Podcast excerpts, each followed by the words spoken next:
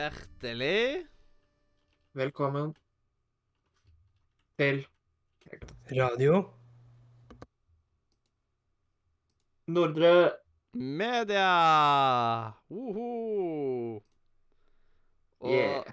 da er det på tide med en til spesial. Nå begynner vi å nærme oss ferdig med liksom de her vanlige starten av året-spesialene. Ja. Og det pleier cirka å dekke januar og gå litt inn i februar. Det er liksom cirka det det pleier å være. Og nå er det jo da popkulturåret 2022 som er nest på, neste på lista. Så rett og slett nå skal vi gjøre oss ferdig med 2022, folkens. Nå er, nå er jeg lei av det året, så nå skal vi bare få gjort oss ferdig med det. Mm. Mm. Og da starter vi med å gå gjennom eh, eh, den eh, faste og kjære Goti-leken vår. Da velger ett spill fra Spillkveldprisen som eh, basically mister en pris for å kunne gi den prisen over til noen andre i stedet. Eh, og er det noen som føler seg kalla til å starte? Eh, Egentlig ikke. mens vi venter på det kallet, da, så kan jeg ta og mm, gjøre noe annet som jeg har hatt et kall til hele siden, siden før sending. Der, vet du. Blir alltid våt på tommelen når jeg eh, åpner energidrikk. Veldig rart. Yeah, yeah, yeah. Men eh, da kan sikkert jeg starte med, eh, med min. Og-. Hæ? Ja, og det var, det var ikke lett Det var ikke et lett valg. Men jeg klarte ikke å finne en annen måte å gjøre det på, siden jeg eh, Det var eh, eh, Ja, jeg ville jo helst at det skulle vært mest mulig varierende av eh, hva spill som har priser på Radio Nordre Media. Og da er Men eh, så, var det ett spill som jeg syns uh, falt igjennom stokk og stein. Og det var Stray, og derfor velger jeg å gi årets kunstneriske design til Stray. Og jeg ville jo da dunke Cult of the Lamb ut. Det eneste dumme er at den ikke hadde noen andre priser. Så derfor eh, sleit jeg veldig med å velge her. Men jeg endte opp eh, Til slutt så måtte jeg ende opp på det. Så det er altså Cult of the Lamb går ut av kunstnerisk design, og så går det inn Stray i min imaginære spillkveldprisen. Så det er ikke offisielle ting, dette her. Det er bare, bare som at det er sagt. Eh, det, det er ennå de, de priser som ble satt på Spillkveldsprisen, de er skrevet i stein. Her putter vi bare en Post-It-lapp over. Så en, hvem vil være neste? Jeg Altså, jeg, jeg slet ganske mye selv i år. Fordi for en gangs skyld så er jeg veldig enig med lista vår. Altså, det er ikke alle jeg ville putta på de som Altså, det er ikke alle vinnerne jeg ville gitt selv, men jeg er på en måte Jeg kan akseptere det. Uh, så det har altså vært vanskelig. Uh, som oftest er det et eller annet sånn der tull som jeg mener er uh, helt feil, holdt jeg på å si. Så det er åpenbart. Men uh, Ja, nei, ikke. Liksom. Mm. Så hvis en av de to andre har en helt sikker en, så, Yes. Da er det lov å skrike ut. Har du, Robin? Ja, jeg prøver å finne denne listen, men jeg fant den ikke. Den Den er inne på Nise. På, på Nise, Nise, ja. så er ja, så er det Ja, men jeg hadde, jeg, jeg hadde egentlig bestemt meg på, eh, på forhånd. Jeg husker bare ikke hvem som hadde den eh, opprinnelige eh, prisen. Og det er da Jeg vil bytte ut årets eh, protagonist fra Kratos til da The Tarnished i eh, Elden Ring. Å, hjelpes meg. Uh... Som om ikke Elden Ring har nok priser.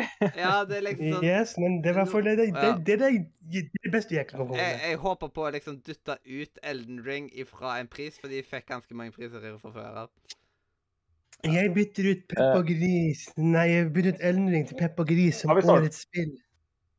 Kan vi ta oss og starte med at eh, Mathias leser opp alle kå- kåringene, så vi kan uh, høre litt på hva som vant priser, egentlig?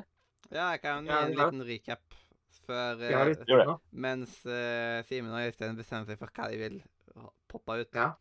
Årets protagonist gikk til Kratos i God of War. Årets sidekick gikk til Trude fra God of War. Årets kunstnerisk design gikk til Cult of the Lamb. Årets musikk gikk til God of War. Årets story The Stanley Parable, Ultra Deluxe Edition. Årets spill å ta med til Mars var Elden Ring. Årets plattformspill Kirby and the Forgotten Land.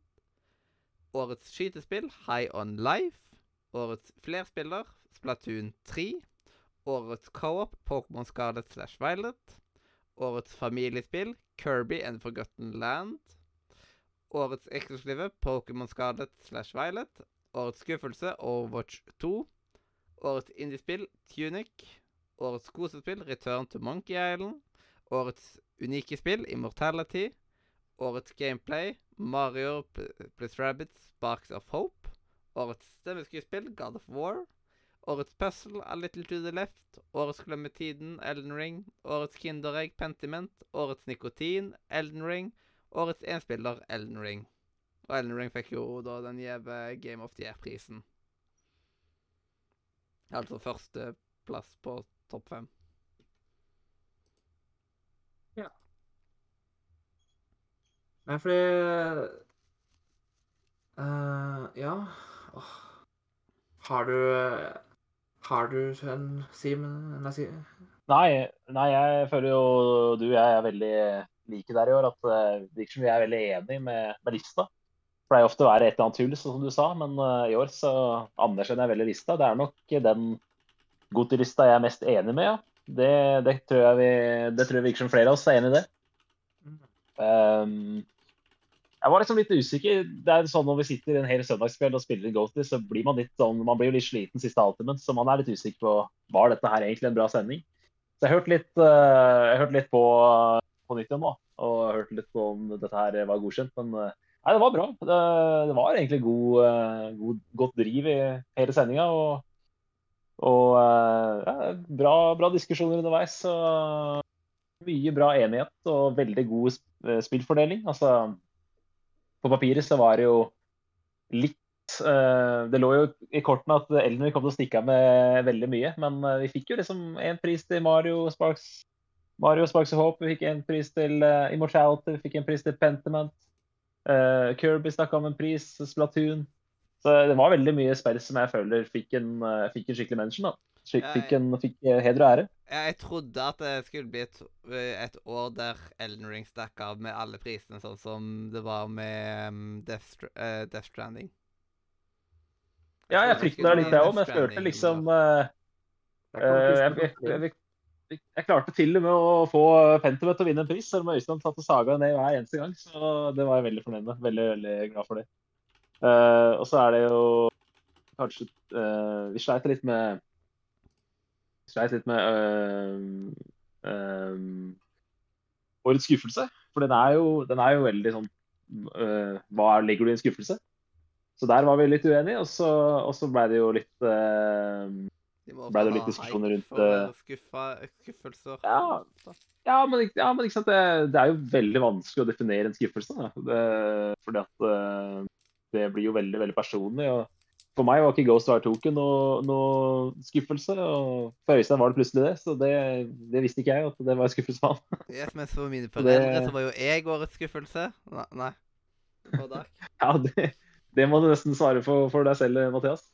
Nei, men, eh, men eh, Kinderegg-prisen, der, der stoppa det veldig opp i år. Og eh, jeg må jo si det, Øystein, at eh, det er greit nok at du nominerer uh, Elden Ring, men hvis Elden Ring hadde vunnet den prisen, da hadde det vært å dra ut uh, Kinderegg-begrepet litt vel mye, altså. For at uh, Elden Ring, det er ikke, det er ikke et Kinderegg-spill, altså.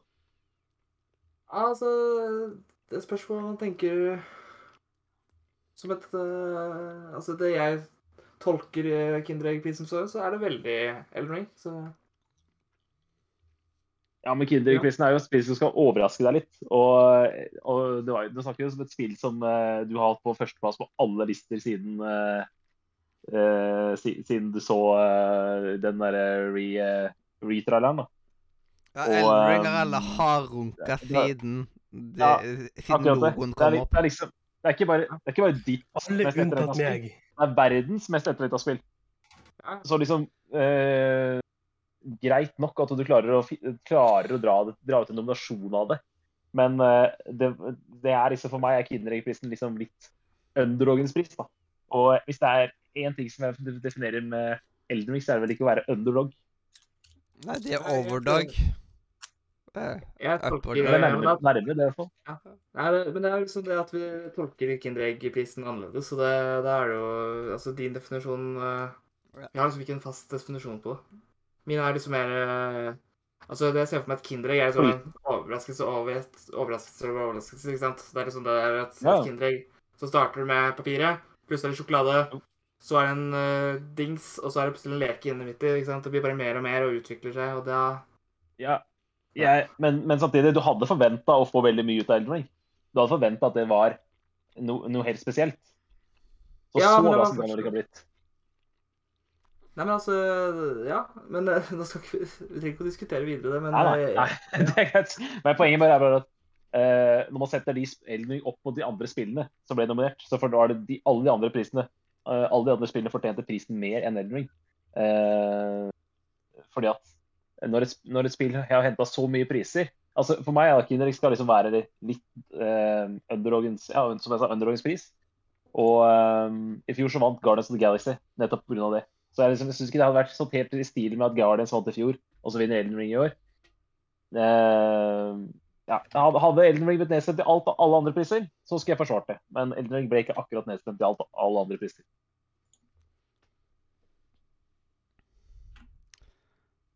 yes. Eh, og da er det en av dere Har en av dere to klart deres kandidater?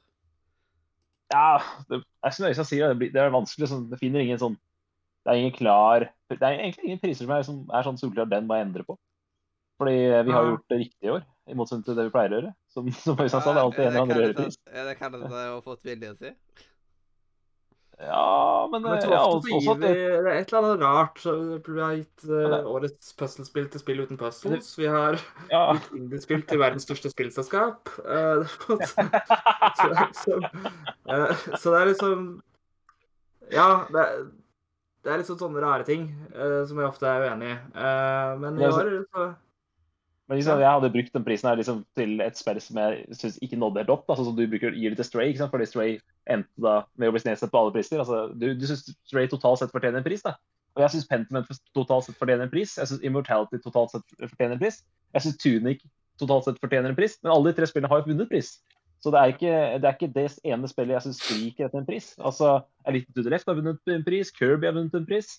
Um, så ehm, Nei, jeg, jeg syns ikke det er Som Øystein sier, du kan ikke bare fjerne beste puzzlespill fordi det ikke er et puzzlespill. Du, jeg kan ikke ta den i år, liksom. Uh, Through endte jo opp til slutt. Det var jo I stolte tider som vant jo Through det beste sidekick, det er jeg helt enig i. Uh, Nei, for jeg har liksom flere Jeg, jeg har skrevet opp muligheter jeg har øh, lyst til å bytte. Men problemet er at jeg bytter fra noe som er bra, mot noe annet som også er bra, på en måte. Eh, så det er liksom ikke Ja. Så jeg vurderer eh, men, jeg- eh, jeg- Ja, jeg, jeg tror jeg lander på å gi Ja, du kan, ta, du kan si det. Fullfør, resten.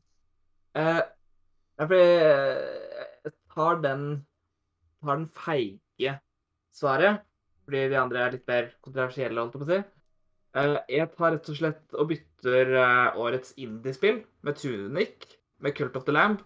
Eneste grunnen jeg har ikke spilt Ulrik. Det er det eneste spillet jeg ikke har spilt på lista, eh, som jeg Ja. Men det var Ja, litt men sånn det for er, min eh, del under jeg måtte Jeg hadde egentlig ikke lyst til å hive vekk Cult of the Lamp. Jeg fikk dårlig samvittighet for å gjøre det, men det var eneste Mm. Ja. Det er, men det, hva, hva, hva var det dere hva var det du sletta, Øystein? Hvilke spill var det du fjerna? Du fjerna beste i- indiespill? Indiespill, ja. Ja, og det kan jeg, stå litt, det kan jeg være litt enig i den, det valget. fordi På indiespill i år så var det veldig hard konkurranse. Det var veldig mange spill vi anerkjente som bra. Og da når et spill som du ikke har spilt, ender opp med å vinne, så, så er jeg, enig med deg der. Kristian. Det, uh, jeg vurderte å gjøre det samme med min eh, favoritt, Card Shark. For det nådde jo akkurat ikke opp uh, indiespillet heller. Men eh, eh, det er, det er uh, jeg, synes, syns, på en måte Tunic eh, fortjener prisen såpass mye at jeg ender opp med å ikke gjøre det. Jeg ender da til slutt Det var ett spill som jeg var veldig, no, uh, veldig klar på at fortjente en pris. Mot slutten her så har vi to priser som dette spillet var en veldig sterk kandidat på. Det var da Glemmetiden og Nikotin. Uh, og uh, det endte jo opp med å bli nedstemt til begge to. Ja, altså, Da tror jeg vi ender på- Elden Ring begge to, ja.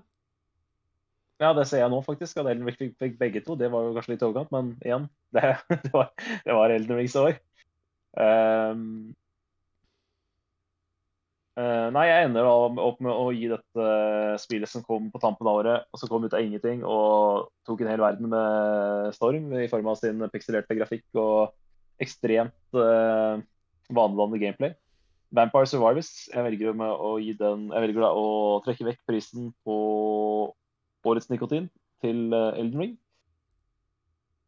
Og dele ut da denne litt fiktive papirprisen uh, fra Laterboy-personer til eh, Vampire Survivors. Yes. eh, From all of me til all of you. Så det er min, denne da fiktive Hva er det, hva er det, hva er det jeg pleier å kalle det? Diplom? Et sånt lite sånn hedersdiplom. De vant ikke prisen, men de kan få mitt personlige diplom for årets nikotin. Går da til Vampire Survivors. Jepp. Det, er noen ting som jeg aldri liksom klarer å sette helt skikkelig ord på. Alltid. Det, Nei. Ja, sånn er det. er sånn er livet. Nei da, men uh, sånn Nei, men uh, jeg syns uh, Jeg syns Ja. Det, det er, jeg, føler det, jeg føler på meg at det ikke er siste gang vi har diskutert skuffelse og uh, Kinderegg litt ekstra, og det, det er helt greit. Nei. Yep. Nei, for en ting til, altså, er at jeg føler liksom glemmetiden og nikotin fort blir det samme. Ja ja, men det er Det er også er, det er definert her, skjønner du. Men uh... Ja, siden det, For siden da uh, glemmer tiden, er jo ofte at nesten at man på en måte blir Kommer veldig inn i det og glemmer liksom alt mulig rundt. Mens nikotin er liksom sånn at du nesten Du kommer tilbake til det hele tida.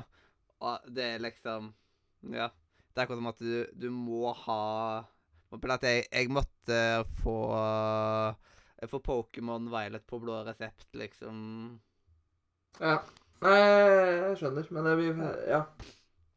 Men det er noen som er, vel, eh, som er litt like, og det blir det jo nesten uansett.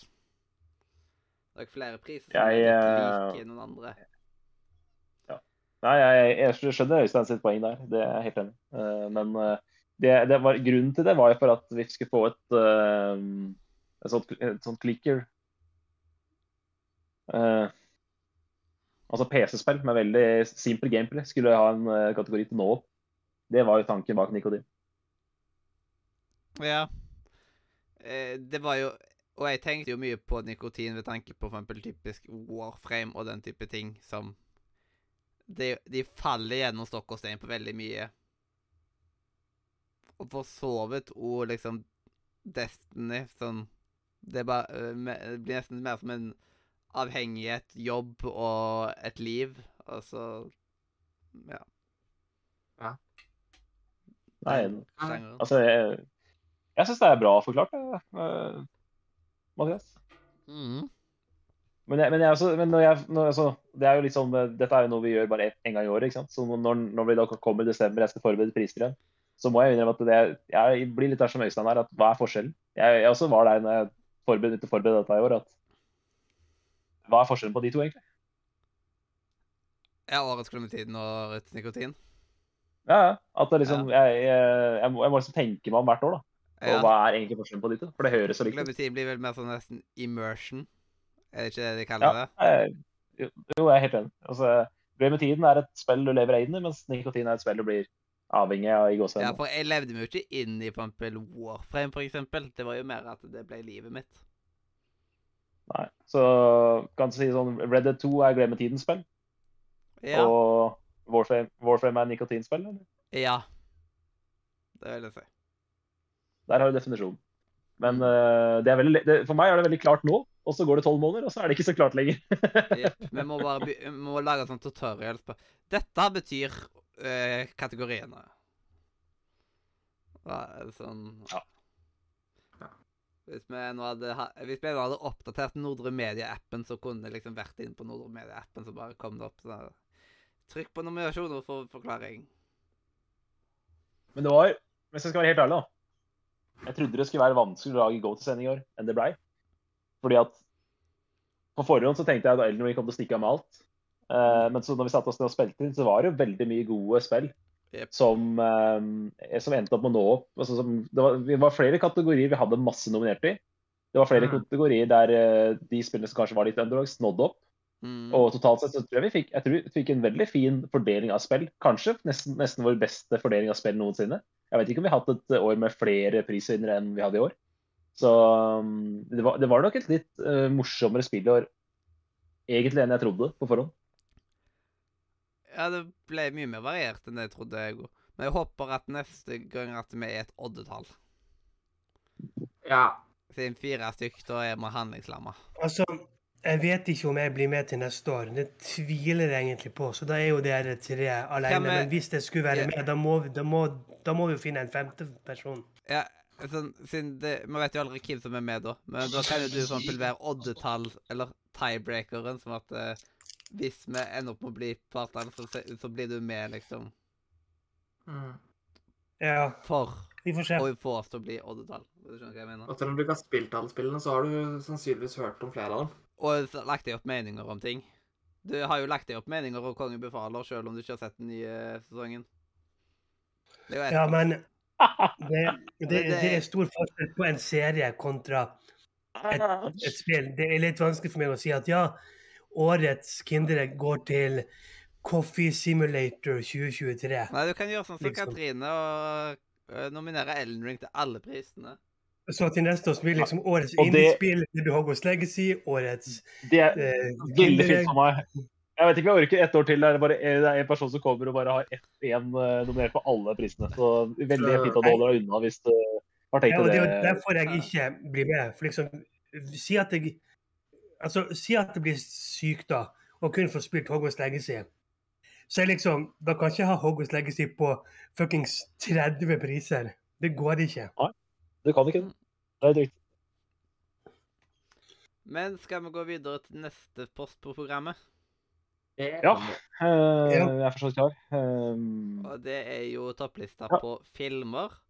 Uh, og da er liksom da skal, Vil dere at jeg skal gå først eller sist? Sist. Tydeligvis Du sist. har så mye. hva, har du mye? Eh, Ja, OK, jeg kan si såpass at eh, for, eh, for eh, 2022 så har jeg laga en topp 30-liste for filmer. For film, eller eh, For film. for film? Ja. Ja, Da kan du jo, da føler jeg at du, du, du går først og sist. Du tar eh, første halvdel av lista først, og så tar du andre halvdel av lista Ja, det går går, ja. Okay. Ja, OK, det kan du gjøre. Ta de fem Eh, første. For jeg har jo hatt sånn Noen har jo fått vite litt om ting bak kulissene. Men nå kan jeg iallfall si ting mer offisielt òg. Siden jeg hadde jo vil, Etter jeg starta filmklubben, så vil, det gjorde jeg jo for å få kunne sett flere filmer og sånn. Som jeg ikke har sett før. Fordi jeg blant annet ikke hadde sett Pirates of the Caribbean. Jeg, jeg, har, ikke, jeg har ennå ikke sett uh, Titanic. Uh, det er liksom så masse sånne Batman Begins. Uh, Back to the Future. Det er masse, masse rart der ute jeg ikke har sett. Og da var det liksom nå Vet du hva faen, nå må jeg skjerpings. Og eh, da satte jeg som eh, et mål i 2022 å se Hva først med, hva med, hva med, Gladiator? Den har jeg heller ikke sett, nei. Men det var liksom Jeg satte meg som mål å se 40 nye filmer i løpet av 2020, liksom resten av 2022. eh, For, for at jeg kan lage en topp 30. Eh, og i løpet av 2022 så så jeg 55 nye filmer. Så jeg er jo relativt fornøyd med det, da. Ja, du, det høres ikke så, mye, det høres ikke så imponerende ut, men uh, du begynte jo ikke med et prosjektet før i sånn mars. Du var vi var godt ute i året når du, når du begynte med det prosjektet. Yep. Så det, det er mer imponerende enn det høres ut som. Jepp. Og i år så Du har jeg en, du har ligget over en film i snitt i uka. Ja, og i år så har jeg et enda mer ballsy Hva, hva heter nå igjen? Eh, mål. Eller Mål. mer hårete mål. Og det er 100 filmer i løpet av et år. Ja, og da snakker vi, og da snakker vi to filmer i uka. Og da kan du til og med få anerkjennelse av meg for at jeg begynner å innrømme at det er mye. Fun fact, jeg og Mathias, Mathias her, vi hadde faktisk samme eh, opplegg. For jeg sa at jeg også skulle se 100 filmer i år, var målet. Mm. Og så fortalte jeg at ja, det skal jeg òg. Mm. Ja.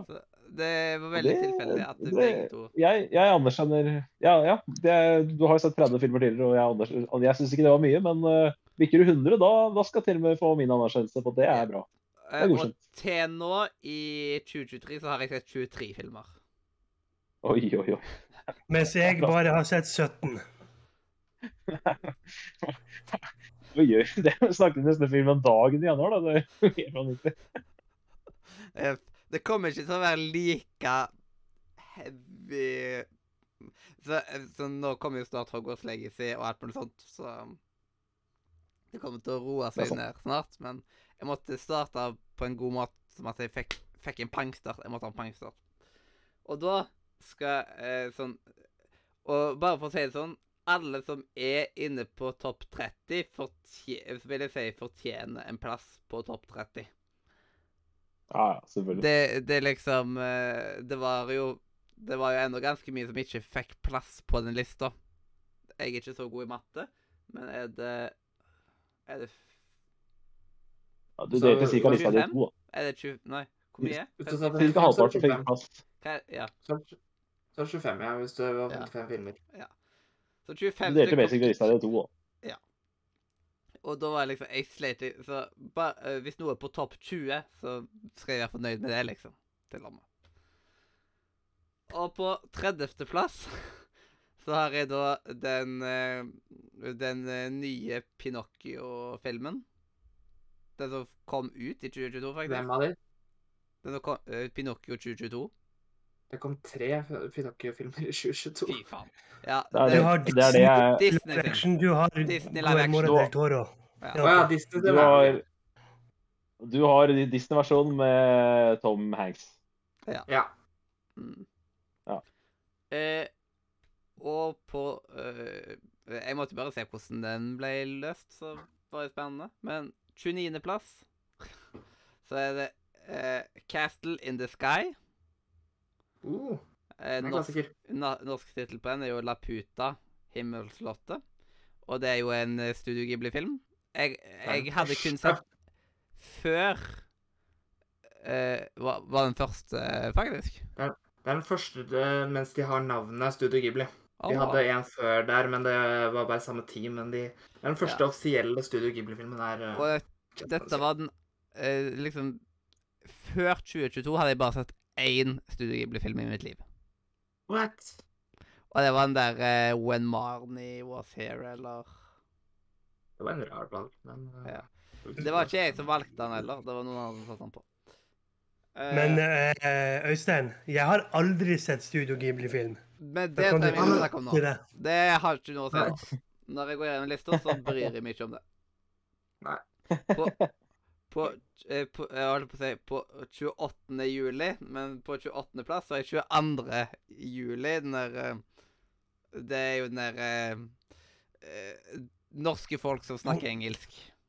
Paul Greengrass sin Netflix-film. Mm. Ja, Netflix-filmen, ja. Stemmer. Og på Ola 27. Furuseth, Jon Øigarden osv. Ja, og på Ola 27. Furuseth, Jon Øigarden osv. Jepp. Altså eh, På 27. plass så har jeg Tunnelen. Jeg syns det var en grei katastrofefilm. Og det er liksom sånn Jeg hadde Når jeg så liksom Når jeg hørte om det, jeg måtte jo sjekke ut sånn Hva er det der for noe? Torbjørn Harry, er det ikke det? Jeg er så dårlig på navn, så Jo, det er Torbjørn Harry. yes. 26. plass så har jeg Doktor Dr. Doolittle 2. Ja. Hva er det for noe? Det har jeg ikke hørt om, så Ja, det, ja, det handler om en som rett og slett ka, eh, får egenskapen til å kommunisere med dyr. Eh, men først eh, tar de liksom og bare liksom fortrenger det veldig, da. Og Er det de kan er Fordi de kom jo med en ny en ganske nylig. Men han eh, Han der Dove Han som spiller Iron Man. Robbie Downey jr. Ja. Er det De- den, eller er det en av de gamle? det, er ikke, det kommer ikke fra dette decadet, vet jeg. Å ja, da er den gamle. Ja, så da er det gamle. Um, men ja, så det er jo det er humorfilm og sånt. 25.-plass så er jeg Onwards, eller Fremad, som norske tittelen er. Disney Plus er veldig glad i å ha norske titler på ting. De oversetter alle titler, og det får meg til å ville spy. jeg, ja, jeg blir bare så irritert. Så det er liksom Noen steder så er det nesten umulig å finne originaltitler. Å, Hvis du søker på Onward, kommer det ikke opp da? Jo, men da står det sånn fremad, så vet man liksom ikke om Ja, ja. Ja. Det vet jeg jo. Ja, og dette var vel eh, den som var med disse her eh, Hva er, er det alver, eller Ja. Ja, det er magi. vel. Ja. Ja. Og så faren eh, Faren deres som de skal kunne være med i et døgn, eller hva det er, og så blir han ikke casta helt 100 fram. Stemmer. Eh, Så veldig fin, veldig fin film. Og så 24.-plass jeg, jeg tror dette er 2022-film. Hvis ikke 2021, men jeg tror det var 2022. Det er Lightyear-filmen.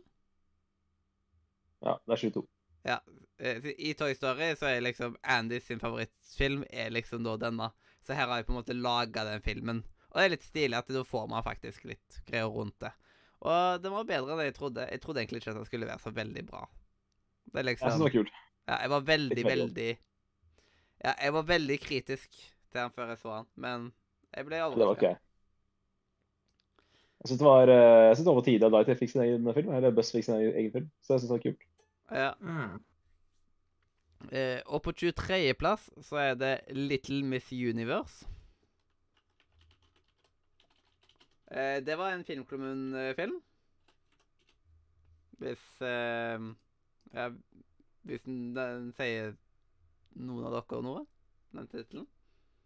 Nei. Little Miss Sunshine. Det var i ikke meg. Little Miss Sun Sun- Sunshine. Jeg vet ikke om det er Universe eller Sunshine. Little Miss Sunshine, i hvert fall. Så at noen som skal Ja, dra Little Miss Sunshine, eh, den var Den, eh, den eh, Ja, det er en veldig kjent film, det, så jeg har selvfølgelig hørt om den. Ja, ja. En uh, uh, Ja. Jeg vet ikke mer hva jeg skal si om den akkurat nå. Uh, på 22.-plass så er uh, Ron's Gone Wrong. Og det er jo eh, en litt sånn futuristic film der folk har liksom sånn der eh, eh, En android er på en måte din beste venn, og den på en måte er personallaga for deg.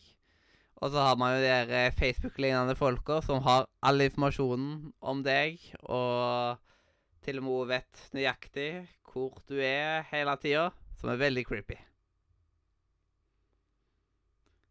Eh, og de bruker jo rett og slett dette her som et sosialt medium, og ja. Så det er veldig sånn stilig sånn Tenker hvordan framtida kan være. Og så på 21.-plass så har jeg Flushed Away.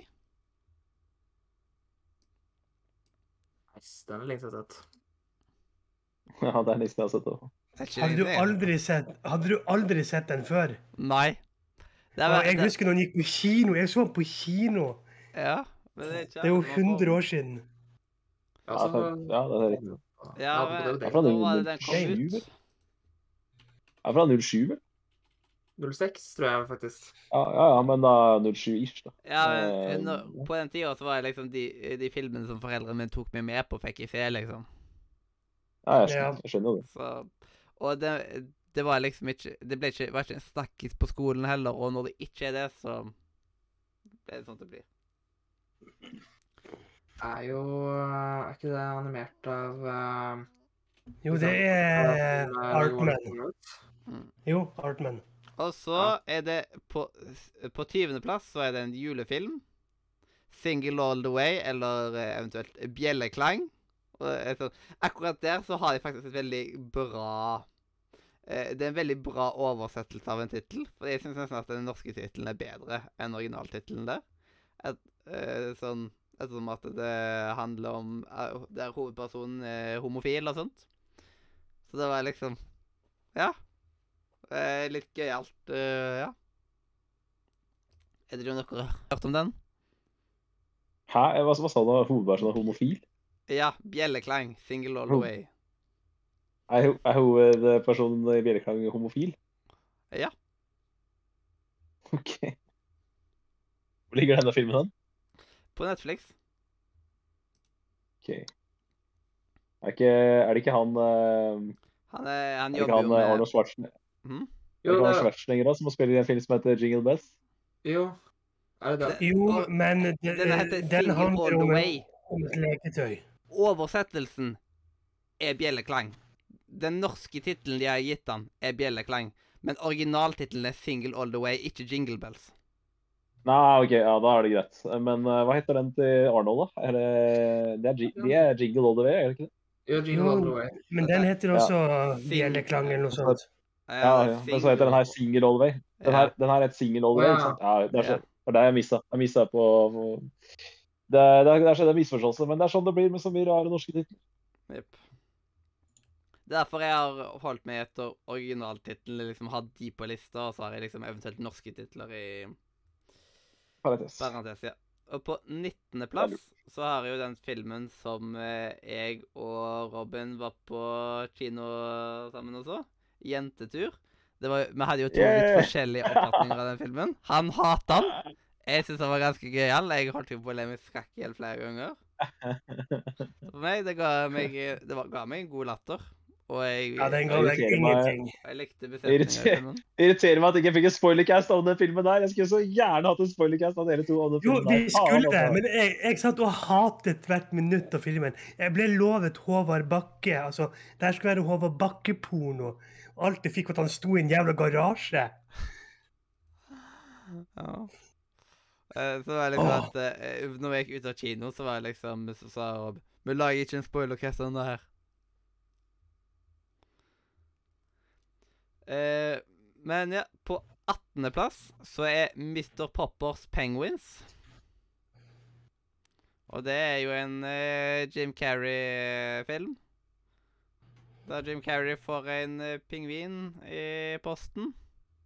Han som man først tenker at det er en stat statue eller et eller annet sånt, og så viser jo at det er en pingvin. Og da, hvordan går det å ha en pingvin i en leilighet? Og hvordan går det å ha, liksom mange pingviner i en leilighet? Og så tar han nå rett og slett vie livet sitt til disse eh, pingvinene etter hvert. Den er god. Ja, jeg var veldig fornøyd med den. Og så uh, Det er liksom denne her eh, neste sånn Jeg tror den nærmer seg mer en klassiker. Det er jo uh, Denne vet jeg at dere har hørt om. Eh, min 17.-plass er Edward Scissorhands. Ja, jeg klarer ikke å uttale det Ja, skikkelig. det, det er en god film. Det er en god film. Ja, så den er veldig bra. Og liksom Og det å ha 17.-plass her er jo veldig bra. Jeg lurer på om det er eh, ti av ti hos meg. altså. Det er liksom Den, er, den var ganske god. Eh, effekt for liksom Jeg får bare litt vondt når jeg ser alle de sårene. Eller, sånn, ja. Ja, det, selvfølgelig. Det, det gjør vondt Jeg i sjela mi. Jeg tror det er best eh, Jeg tror det er min favorittfilm med John Depp. Ja, sånn der Grunnen til at jeg så filmen, var fordi Johnny, at det var Johnny Depp i hovedrollen. Det var grunnen. Jeg har bare sett, sett den én gang, så det er på tide med et gjensyn. Ja. Og det er forresten jeg òg, men det Det er jo ikke så lenge siden. Det er ikke et gjensyn. Ja.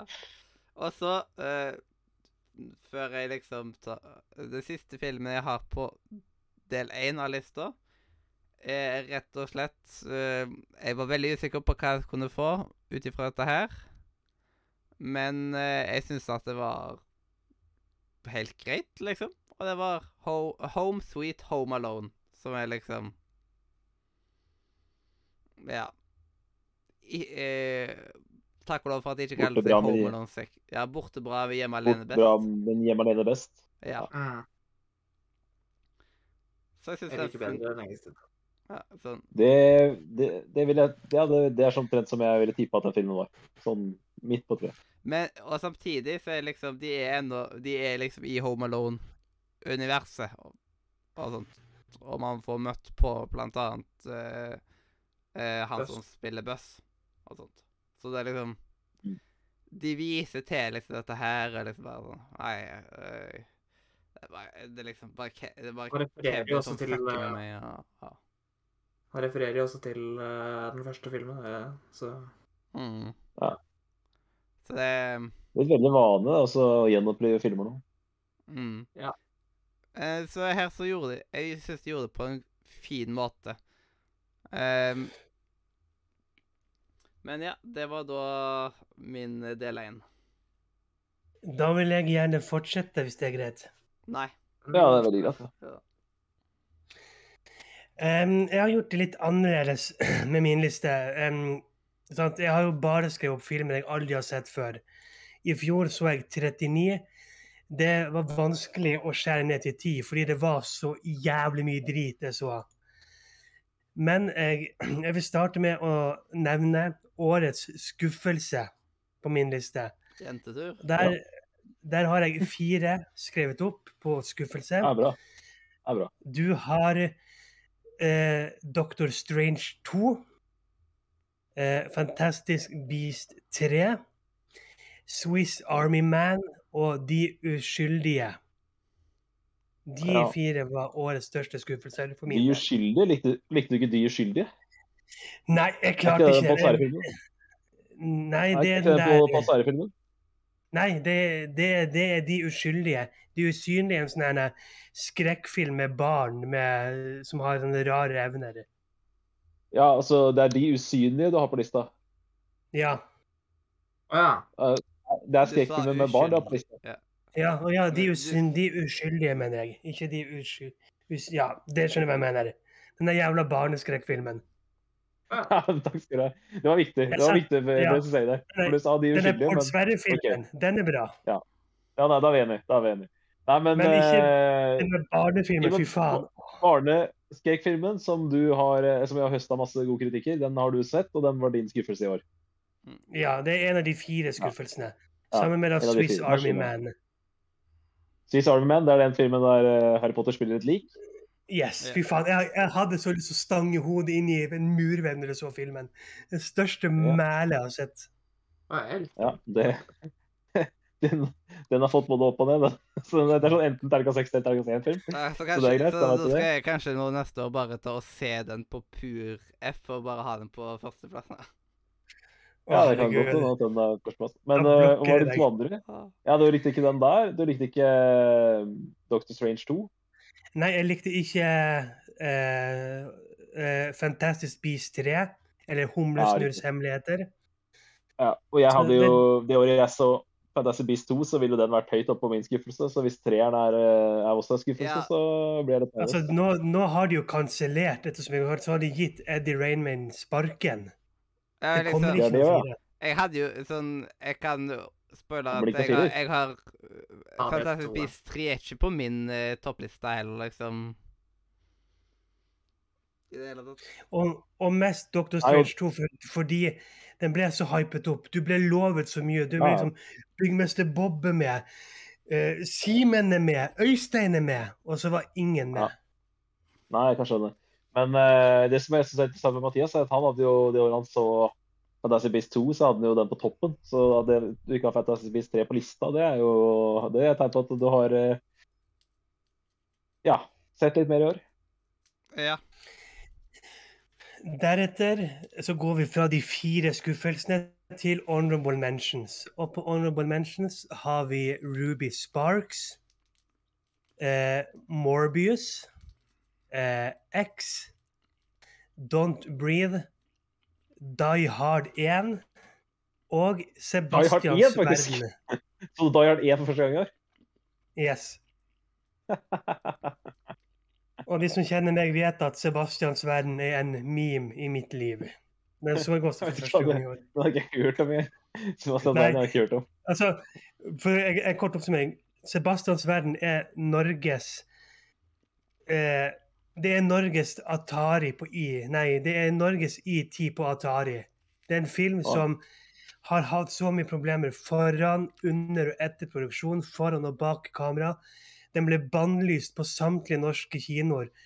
Det var én kino som viste den, og det var 106 personer som så den på kino i sin tid. Ja, når, når er denne filmen fra? 2010. Såpass, ja. Var det en av de tingene du hadde tatt og anbefalt meg på filmklubben? Ja, fordi at det er en must see. For den er så jævlig dårlig at den er bra. Og det er så var sant. at du må sende røyksignaler til regissøren. og- Ja. Men så går vi til topp ti. Eh, så, det var så- jeg, trodde, jeg trodde jeg var late to the party på Die Hard sånn for to-tre år siden. Så du har sett Die Hard i 2022 også? ja, det har jeg Ja. faktisk. Er, men det, er, men det, er, det, støtter, det støtter meg Det støtter meg at uh, hvis du skal se en julefilm i januar, så er dette en bra film. Ja. Eh, så på tiendeplass Die Hard, den er Du vet, jeg er jo jeg, Vi må prate litt om dette. Vi går jo ut fra jul og sånn. Vi Mm. har vi pratet masse om jul i, i desember. Eh, men eh, Simen, du er jeg- die hard-fan? Nei, nei, OK. Ja, jeg er Die Die Hard-fan. Die Hard. Nei, men jeg er jo litt opptatt av disse eh, julefilmene som egentlig ikke er julefilmer. Og Die Hard er på min toppliste over julefilmer som egentlig ikke er julefilmer. Ja, altså Personlig, jeg syns Die Hard var kanskje bitte litt for lang. Bitte litt for lang. Men uh, ellers så likte jeg han. Ja, men er det, er det en julefilm for deg? Det er det jeg lurer på. Hvor er det på, sånn. hvor er det på jul? Fordi, fordi du har jo en, du har en Daniel Fix som er veldig hardcore. Dette er en julefilm. Jeg er motsatt. Jeg mener dette ikke er en Altså- julefilm. Hvor er du i den diskusjonen? For meg er det ett fett. Men hadde du spurt kompisen min derimot, han er såpass streng at Si at uh, liksom Det har kommet en film som het 'Sommer med familien Jensen'. Så hadde det vært et juletre i den ene scenen. Da hadde han vært standbevisst på at det er en julefilm. Fordi de har et juletre der. Såpass, ja. Ja, det er jo jo noe, jul, eh, og det er- vel, noen, Men, det er vel eh, en scene med jul i både Elling og Elling og uh, Edvard Saxon, så da er det julefilmer òg, da. Nei, nei, nei, på ingen måte. Jeg syns ikke at Elling er en julefilm. Ikke når de drar på, på fuckings sommerhytta. Nei, men liksom- øh, han kompisen Han kompisen mener mener- mener Ja, han, ja. Altså, Harry Potter 1 og Harry Potter 7. Den er 7 så er det jo julaften på et tidspunkt. Hva med to? Ja. Er, det ikke noe, er det ikke noe jul i 2? Jo, Jo, det er jul der òg. alltid jul, vet du. Men da kan vi hoppe til min faktisk faktige Ja, faen snakking. Min toppliste, i hvert fall. Eh, om du kan kalle nummer ti en film, det kan du jo se det på. Jeg vil kalle det en film. Men i hvert fall bare Harry Potter Return to Hogwarts. Harry Potter Og- Return to Hogwarts? Ja, ja, du Ja, teller den men- som film, ja. Den er, eh, Ja, jeg skjønner. Den er, Nå skal- ikke nå skal jeg si en ting. I så fall så har jeg 56 filmer i 2022. Nå skal jeg si, nå skal jeg si en ting. Uh, du vet, Det er jo disk veldig diskusjon om Die Hard er en julefilm eller ikke. Men du vet, Mhm. du vet jo hva man gjør i Die Hard. Det er en veldig stor bygning. Og du bruker hele filmen så er det en hovedperson som sniker seg unna professor Slur. Det er en Harry Potter-film. Ja, ja, jo. True, true. Men men i hvert fall, ja. Return to Hogwarts. Rett og slett jeg så på listen. Og det var ingenting på den listen der unntatt den som var kapabel til å komme på en, en tiendeplass. Det er Jeg har sett så mye ræl. Ja, ja, det det er din liste, og det var jo terningkast seks. Det var dritbra, liksom. Så støtter den. Eh, på niendeplass har jeg eh, julefilmen fra i fjor, 'Violent Night'. David Harbour som Ja! julenisse i Tommy Tommy Ja, regi. Ah, nydelig, Yes. nydelig. Ah, jeg gleder meg til å se den. Jeg, tenkte jeg skulle spare den. den uh, kommer, jeg regner med den kommer på streaming uh, neste jul, altså jula 2023. Da skal jeg se den. Altså, det, det er rett og slett uh, hjemme alene for voksne. Ja, konge. Det høres så konge ut. Digger plottet. Og, og det har jo blitt sagt at eh, det kommer en Violent Night 2. har eh, Tommy sagt. Yes. Det er jo, jeg føler det er en sånn krysning av Die Hard og Hjemme alene, egentlig.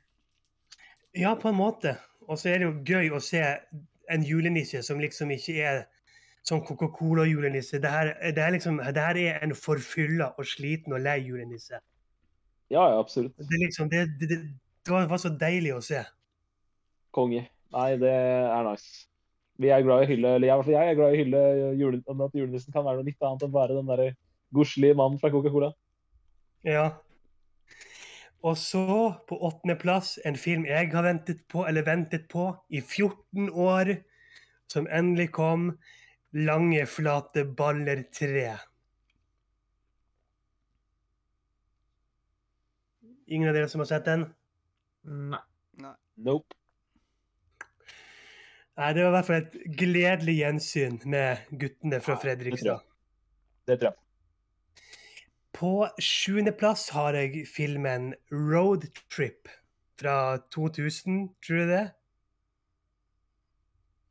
Som Ja, den har jeg sett. basic, som basically er det filmen sin Road Trip. Det handler da om en fyr som er utro og med uhell filmer at han har sex med den som han Den har utro dessverre sett. Den har jeg, åh.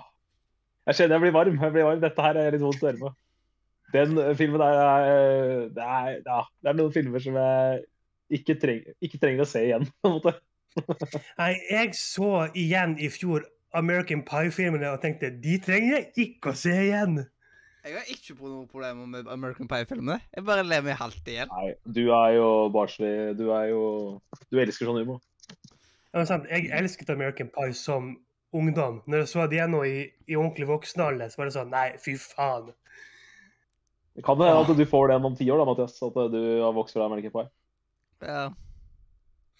Uansett, det er roadtrip, altså. På sjetteplass har jeg en film som enten så elsker du den, eller så hater du den. Og folk er veldig på å hate den, rett og slett bare for at det er nytt. Og det er noen som har en hudfarge som de ikke liker i filmen. Og det er da Olsenbandens siste skrik. Har jeg på Jeg min har om- jeg har ikke hørt om noen som hater den. da. Hvis du er med i Olsenbanden fanklubb på Facebook, så er 99% at det er gravskjending, og det er som å voldta likene til de gamle Olsenbanden og Men- se denne filmen. Og... Yes, mens på, Ja, er det. mens på jobb så er det liksom bare sånn Hæ? Har det kommet en ny Olsenmannen-film? Det er liksom eh, det er så, De er så ukulturerte. Ja, altså, jeg skjønner ikke, det her var en Altså, vi, vi trengte en ny Olsenbanden-film. Men det er jeg glad jeg er vi fikk. Ja. Jeg er bare helt, helt uenig med at uh, disse sier at det er likkjenning og sånt. Det skal liksom aldri være lov å lage nye ting, da. Er det Ja, det er liksom, Nei, Egentlig da så skulle jo ikke originale Olsmann, Eller, eller norske Olsmann vært noe heller, siden det er jo dansk, egentlig. Så liksom Ja. Ja, sånn Dette er ikke skikkelig Olsmann. Nei, skikkelig Olsmann er jo egentlig dansk. Ja, Så hvis en skuespiller dør, da, så kan du ikke portrettere den skuespilleren igjen. Nei, nei, Eller den selvfølgelig. karakteren igjen. Det er ingen vits å lage opp. Uh, nei, men- for det er Den første er alltid best, så det er ingen vits å lage opp kan ikke bruke, du kan ikke bruke det argumentet at det er litt for Det er, så kort tid siden siste film. Ja, hva, Det gjør man, hva synes de da om Junior, der de bytter skuespiller oftere enn uh, enkelte sokker, liksom? Ja, Ja. det kan Altså- jeg jo forstå at noen har imot, har imot, da, for det er jo barn. De er jo på en måte Altså, barn. Siste. Olsenband kom i 99, så det var på tide. Ja. er 2001, eller? Jo, den tok Nei. på 2000-tallet, den siste. Jo, jo. Gjorde den det? Var ikke 99, da? Ja, den, den siste kom på 2000-tallet. For det, Ja, det, der er jeg enig med Men, men øhm, ja, altså, For å si det sånn, da. Jeg husker at den siste kom. Eh, jeg, var ganske, jeg var ganske mye yngre enn det er nå. Det er godt noen år. Det er på tide å Nei, det står her 19. februar 1999. Ja, men kanskje han gikk på TV da, jeg vet ikke. Det, det, dette vet du tydeligvis du bedre enn meg, Øystein. Men, eh, men eh, ja, uansett. Det er på tide å reboot Olsenmann, så de som mener noe annet, de, eh, jeg skjønner ikke helt det. Og det var en fantastisk film. Jeg så den Altså, Jeg jeg, jeg, fikk til og med se den et år før den var ferdig. Jeg var på en, førpre- på en sånn førvisning der vi måtte svare på spørsmål om hva vi likte og hva vi ikke likte. Så jeg så den et år før før han kom på kino, liksom. Ja, konge. Men på femteplass, der har jeg en eh, film som er anbefalt på filmklubben. Det er en skrekkfilm, men det er ikke, det er ikke en skrekkfilm. Jeg, jeg vil ikke kalle det her en skrekkfilm, for han er ikke skummel. Men det er da filmen 'Freaky'.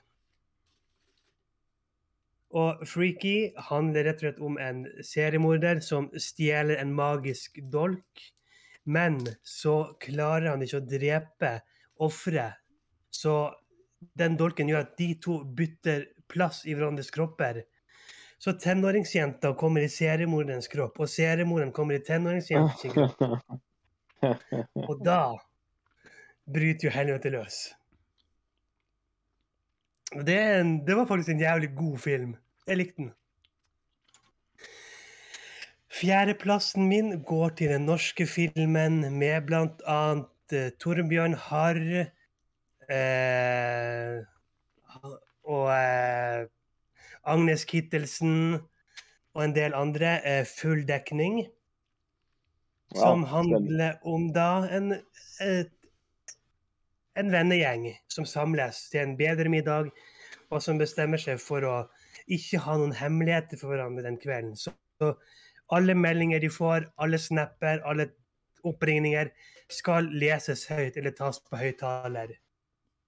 Og da kommer jo det noen avsløringer. Full dekning. Det er på streaming nå. Kommer, kommer vinter, tror jeg.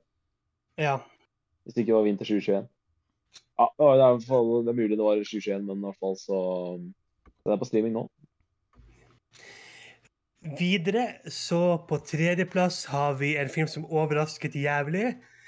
Eh, jeg mener det Den ble filmet lenge før, for jeg mener at jeg har sett bilder av det her som, som barn eller tidlig ungdom. Men det var for filmen 'Guns Akimbo', også kjent som Harry Potter med pistol. Hvor Daniel Radcliffe røper rundt i morgenkåpe med pistoler boltet til hendene sine. Veldig kul film, må jeg si. Det var fresh å se Daniel Radcliffe i noe sånt. Um, Andreplass går til uh, en av de bedre norske filmene som har blitt hyllet opp gjennom årene, og som da er den første i uh, Oslo-trilogien, nemlig 'Reprise'. Ja. Yes. Veldig, veldig Odda. Yes. En ung Odda, ung Henrik Elvestad. Ung i alle, egentlig. En veldig, Ja. veldig fin film. Veldig tankevekkende film om det å eh, hvor, Om det å eh, liksom eh, Berømmelsen sin bakside. ja. Jeg likte um, Hvis jeg skal rate de Oslo-filmene, så er det nok det nummer tre hos meg. Det, det er OK. Hva er nummer to, da? Ja, det er, eh, det er veldig jevnt mellom de to andre. Jeg er ikke helt sikker på hvem jeg liker best av de to andre, men eh, Nei, jeg liker altså, jeg kan si av de tre. Eh, nå- jeg så jo 'Verdens verste menneske' i 2021. Derfor er ikke den på listen. Men jeg så liksom reprise og Oslo 31. august i 2022. Jo. Jeg må, Ja, jeg må si, jeg likte ikke Oslo 31. august. Den var liksom ikke min cup of tea. Ja, jeg likte det veldig godt, men uh, det er nær sagt, det. Og på førsteplass så var det ikke noe annet jeg kunne gjøre. Det her var uh, filmen som svensk filmindustri bare tok ballegrep på Norge og røsket den av uten noen form for en unnskyldning. Eh, filmen som ble avlyst dagen før premieren skulle være, nemlig Spiderman No Way Home, er på min førsteplass. Der vi i Norge ble spoilet skitten ut av. Fordi vi bare «Øh, 'Vi kan ikke vise den! Det kan ikke være 50 folk i kinosalen!' Øh, nø, nø, nø». Faen, jeg husker at det var mange som gikk til angrep mot svensk filmindustri. Jeg husker enda den Spiderman-kampen som varte i desember. Ja, men var det svensk filmindustri som bestemte det, da? Var det ikke eh, Yes. var det Jo, myndighetene som det, nei, det? det var svensk filmindustri som bare sånn der eh, For at Vi gikk jo til koronaen, som var sånn at OK, du kan ha filmer på kino, men du kan maks være 50-100 stykker. Og svensk, og svensk filmindustri bare Nei, da tjener ikke vi penger på det. Da utsetter vi den. Ja. Sånn, ja. Så de kunne ha vist den, de kunne ha satt opp flere visninger, men negler. Bare for at de skulle ha det der for... Bare for at de skulle tjene mest mulig inn på en gang, så Mm. utsatte de den. Og det skadet filmen i Norge. Ja, det gjorde Jeg det jo. husker- Jeg så den jo For meg så Jeg ble det ikke på skada. For jeg fikk ingen altså, det- Jeg ble ikke ja. spoila noe som helst. Når jeg så filmen på bursdagen min, hadde ikke jeg fått en eneste spoiler. Nei, jeg merka det veldig. eh, at eh, jeg så den i påsken. Og da merka jeg at den lufta hadde gått av ballongen. ballong. Det var ikke det samme som å se den i april som det var å se den i desember. Nei. Ja, det var Um, ikke det. så sånn er det noen ganger. Men det var i hvert fall min toppliste på filmer. Kjapt spørsmål angående lista di, eller eh, det er bonusspørsmål. Uh, har Ja. du gjort hjemmeleksa di? Hjemmeleksa mi? Nå er jeg litt usikker på hva du mener. Desember eh, 2022. Uh, du skulle se en julefilm. Åh. Har du sett den? Det Angående det 2023. em, eh, jeg, jeg, har ikke sett de filmene. Yes. Du har ikke sett de filmene? Du vet hvilken jeg tenker på? Ja, jeg vet det. Jeg lovet å se de, men jeg fikk ikke gjort det. Jeg hadde rett og slett ikke tid. Jeg så heller Christmas ikke Chronicles. Christmas. Se, ser du uh, Christmas Chronicles i 2023? Jeg med hånd på hjertet, ja. Jeg ser Christmas Ja. Chronicles i 2023. Det er bra. Det er i hvert fall mer julefilm enn Die Hard, det kan jeg si. Uh, men uh, Jeg de lærde love- om Die Hard. Hvis jeg, hvis, jeg ikke, hvis jeg ikke får sett Christmas Chronicles i, i år, så donerer jeg 1000 kroner til et veldedig formål. OK, nice. Det er bra. Du hørte det her før, så nå har vi det på tape, Mathias. Så nå kan vi bare spille av det Ja. kortet der foran. Så, Yes. Så er det er det, det formålet å sikre, sikre penger. Og det sier vi at eh, det veldige formålet er Radio Nordmedia å kjøre SM20B til Å, wow. yes. eh, Hvem vil være neste offer? mange har du, Øystein? Eh, jeg har topp fem pluss noen honorable mentions.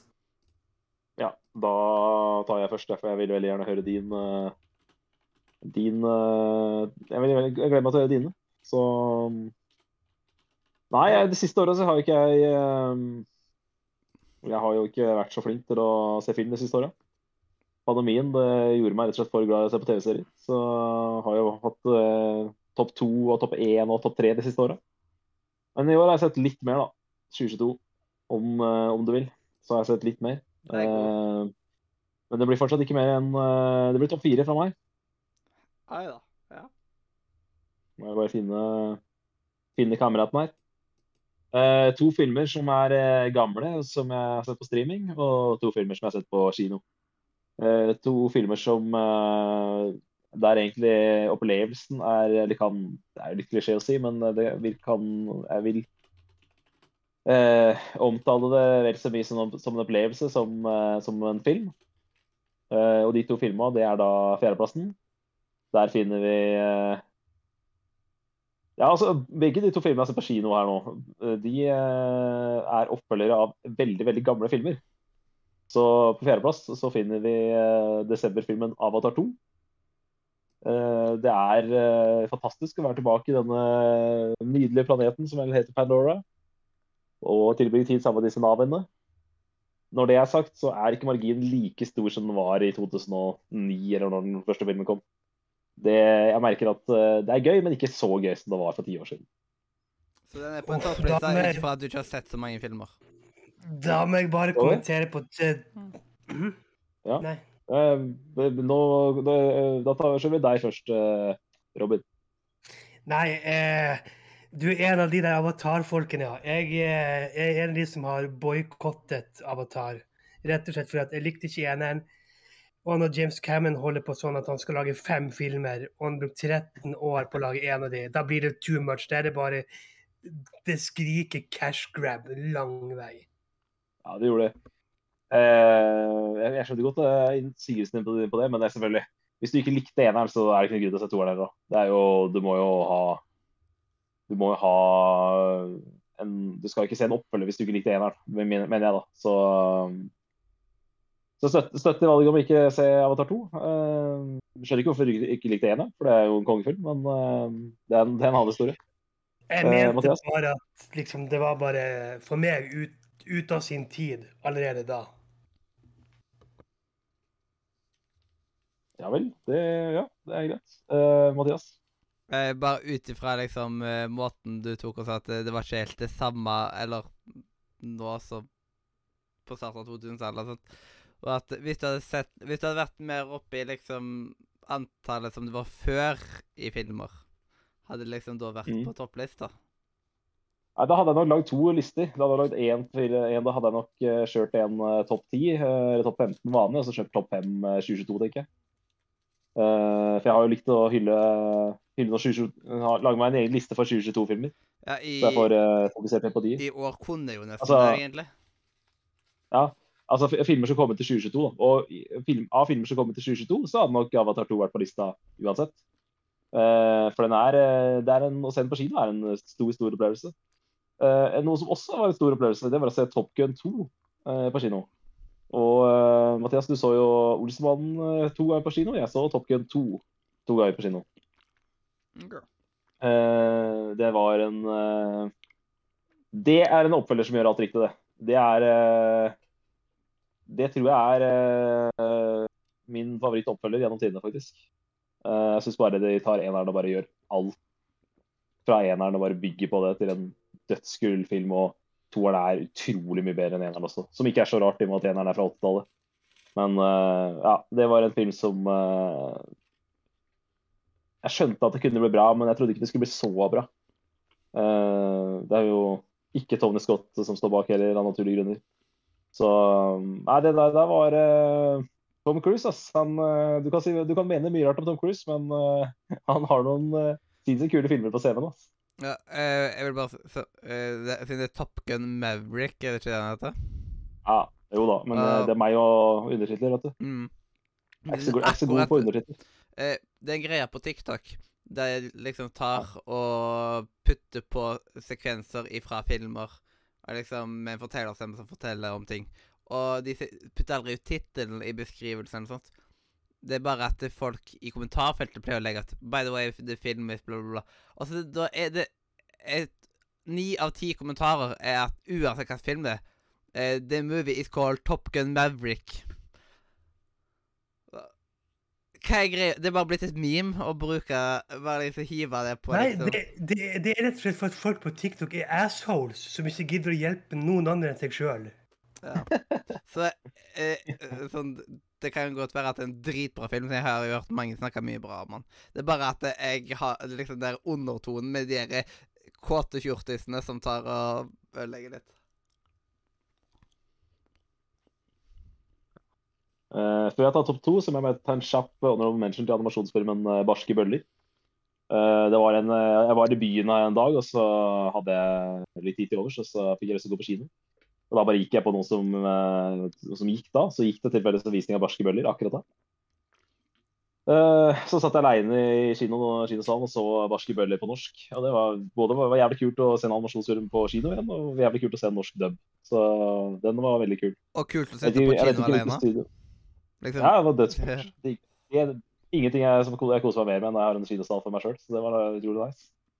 Uh, nei, men uh, Barske bøller var sånn uh, bøller. da. ja, Jeg forventa ingenting av filmen. Den var utrolig mye bedre enn jeg hadde trodd. Det er sånn heistfilm, sånn Olsmann-style. Det er sånn tre, fire, fem forskjellige dyr som går fram Går, eh, går sammen om å rane Gjøre sånn diamantkupp. Og så det, har de forskjellige roller innad i ranslaget, selvfølgelig. Eh, og så skjønte jeg eneste, minus er at jeg har sett såpass mye barnefilmer at jeg skjønte med en gang hvem som var skurken i den filmen. Det var det som skulle være en hemmelighet. Det, det tok jeg med en gang. Det var ikke det var ikke så veldig vanskelig. Ja, men du Eh, vet men, eh, Du er jo i Radio Nord Media, og der er vi liksom litt oppdatert på sånn. Vi er jo litt analytiske. Jeg, jo, ja, det er sant det. Nei, men jeg var liksom sånn Det slo meg jo at Det slo meg at uh, at det her filmen er laget for barn. Og det er nok en tvisten eh, funker nok for barn, tror jeg. Uh, men det funka ikke for meg, da. Så, så såpass skryt meg til meg selv. Og så Men uh, bare sånn sjekk ut Barske bøller hvis dere vil se en uh, animasjonsfilm jeg tror ikke dere har hørt om. Og så er det topp to. Første- og andreplassen hos meg, det er filmer jeg streama i 2022. Og begge har jeg rata til ni av ti. Så det er to knallbra filmer, dette her. Og eh, på andreplass så er det da den eh, du nevnte reprise i stad, Robin. Jeg har da sett 'Verdens verste menneske' i 2022. Og eh, det var en Det er sjelden jeg går inn og ser en film med så store forventninger som jeg gjorde med 'Verdens verste menneske'. Men eh, det funka. Altså, selv om jeg hadde skyhøye forventninger, så ble de innfridd. For det var en uh, kanongod film. Eh, og ja. Ja, 'Verdens verste menneske' er en jævlig bra film. Jeg så den to Ja, ganger på kino. Den hadde Ja, jeg på lista mi i fjor. Jeg tror jeg så den for to uker siden, eller noe sånt. Konge. Uh, og eneste grunn til at uh, den ikke var den beste filmen jeg så i 2022, var rett og slett fordi at jeg endelig, etter uh, mange års ventetid altså Jeg har hatt den på lista i mange år, men endelig så fikk jeg satt meg ned og sett den. Det er nemlig Hasse Hopes favorittfilm. Detektivfilmen 'Knives Out'. Og er det noe jeg er glad i, så er det jo en, eh, en god eh, Who Has Done It-historie. Det er jeg veldig, veldig veldig glad i, både gjennom spill og bøker og TV-serier og film. Og dette er eh, kanskje den beste vi har fått på film noen gang. Så Knives Out Jeg med. Jeg så Knives Out for første gang i år. Så liksom, jeg skjønner hva du mener. Knives Out, fy faen, altså, for en film. Ja, du, du så den nå i januar? Ja, fy faen for en film. Satan, og Ja, jeg konge. elsker den. konge. Og Eh. ja, jeg, jeg er helt enig. Jeg elsker den også så sykt. Og Daniel Craig, fy fader, Daniel Craig. Nå her har du skapt en karakter hvor jeg kan se tre, fire, fem filmer med, altså, uten problemer. For eh, han der eh, detektiven. Han, han er fet. Og Øystein, du spiller meg opp her. Du spiller opp en Smash til meg. Fordi uh, jeg, med tanke på at uh, film nummer to kommer rett på Netflix, så kunne jeg ikke ikke se den heller. Så jeg har sett den også. Og jeg syns nummer to den er nesten like god, men den er minst like underholdende. Altså Rent underholdningsmessig så er det en kulere film enn eneren. Eh, rent manusmessig er den litt dårligere. Bitte, litt dårligere. Jeg syns historien i toen var litt ned fra eneren, men det Ja, jeg var jo en ganske god film. Det var det. Men jeg syns den var like underholdende. Jeg koste meg egentlig enda litt mer med toeren enn jeg gjorde med eneren. Mhm. Uh, Så det kan vel hende at den havner på lista for 2023. Men uh, ja. uh, Topp to filmer jeg så i 2022 var i hvert fall sinnssykt gode filmer. Nice, nice, nice. Ja. OK, Øystein, da? Da er det min tur. Uh, nei, altså Da får vi starte, da. På Honorable Mansion. Uh, Oi, oi, oi. Mansion. ja. Uh, og den første Honorable Mansion jeg har, er Fantastic Beast, The Secrets of Dumbledore. Uh, jeg likte den. Uh, Syns den var mye bedre enn den toeren. Uh, jeg koste meg og ble underholdt. Så du likte Mads Mikkelsen bedre enn Johnny Depp? Uh, ikke nødvendigvis bare fordi jeg liker en film, betyr ikke det. det liker, men jeg syns han også passa fint i rollen. Ja. Uh, vi fikk ikke så mye se liksom Johnny Depp i rollen. Så Max Mikkelsen gjorde jo mer enn, på en måte. Uh, hvis uh, Ja. Men jeg syns historien var helt grei, og jeg ble underholdt og koste meg på det når jeg var og så den på kino. Uh, og så har jeg Troll. Uh, denne norske filmen som kom på Netflix. Uh, den syns jeg var grei. Underholdende. Eh, så Syns du han er verdt å se? For jeg har vurdert den, men jeg har hørt at han er så jævlig dårlig. Har jeg hørt. jeg syns den var helt grei. Eh, jeg syns slutten var litt rar, men uh, utenom det, så helt innafor. Ja, Verdt å ta en titt. kan vurdere det. Og så har vi Sonic 2. Uh, ja. Den uh, fikk jo uh, Fikk en oppfølger til Sonic. Det var gøy. Uh, en annen film jeg mener du skal komme rett på Netflix, som er The School for Good and Evil. Uh, ikke om dere har hørt om den? Jeg har sikkert lest tittelen, men jeg kan ikke si at jeg husker noe hva det var for noe. Nei, altså Det, det er en helt grei film. Uh, jeg putta den på Honorable Mansion. Ellers så så jeg uh, Enola Holmes 2. Det er også en 2022-film. Det er på Honorable Mansion. Uh, det handler om dattera Nei, ikke dattera, det handler om søstera til Sherlock Holmes. Eh, og en sånn typisk sånn detektiv-greie. Eh, og så har vi Ship and Dale. Den her uh, blandingen mellom uh, live action og animasjonsfilm. Som plutselig kom på Ja, på Disney Plutselig bare kom Ja. på Disney Pluss, og så var uh, overraskende bra. Bare hei, vi har en sånn film. Husker du det? Chip and Dale fra sånn Chip and Dale. eh, Ja, det var gøy gjensyn med de karakterene. Og så ja.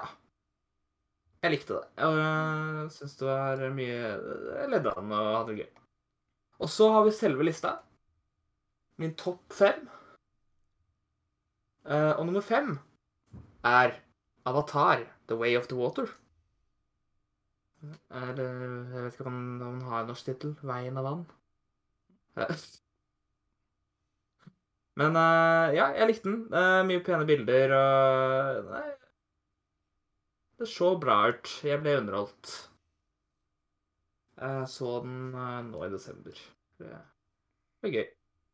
Nummer fire er eh, fordi jeg nevnte jo Honorable Mention på Enola Holmes 2. Uh, tingen er at jeg hadde ikke hørt om den første, så jeg så den første Uh, og, før jeg så den andre, uh, og likte den bedre. Så den kommer på en enn All Holmes. Uh, ja. Det er det. Nummer tre er Bell. Det er jo en eh, film jeg anbefalte til deg, Mathias. Jepp, den har jeg sett nå i januar. Ja. Den så jeg på kino når jeg var i Når jeg var på tur til det store utland. Tydeligvis England. så hadde Viktor Sotberg en uh, rolle der òg. Seriøst? Ja. OK. Uh, ja. Jeg så den på engelsk, uh, så jeg har- orka ikke å Så jeg har ikke sett den norske dubben. Så jeg, jeg regner med at det er der han har en rolle. Eh, nummer to er en film som eh, Robin tydeligvis ikke er så glad i, men jeg likte den. Og det er Doctor Strange in the Multiverse of Madness. Eh, Ja, men sant.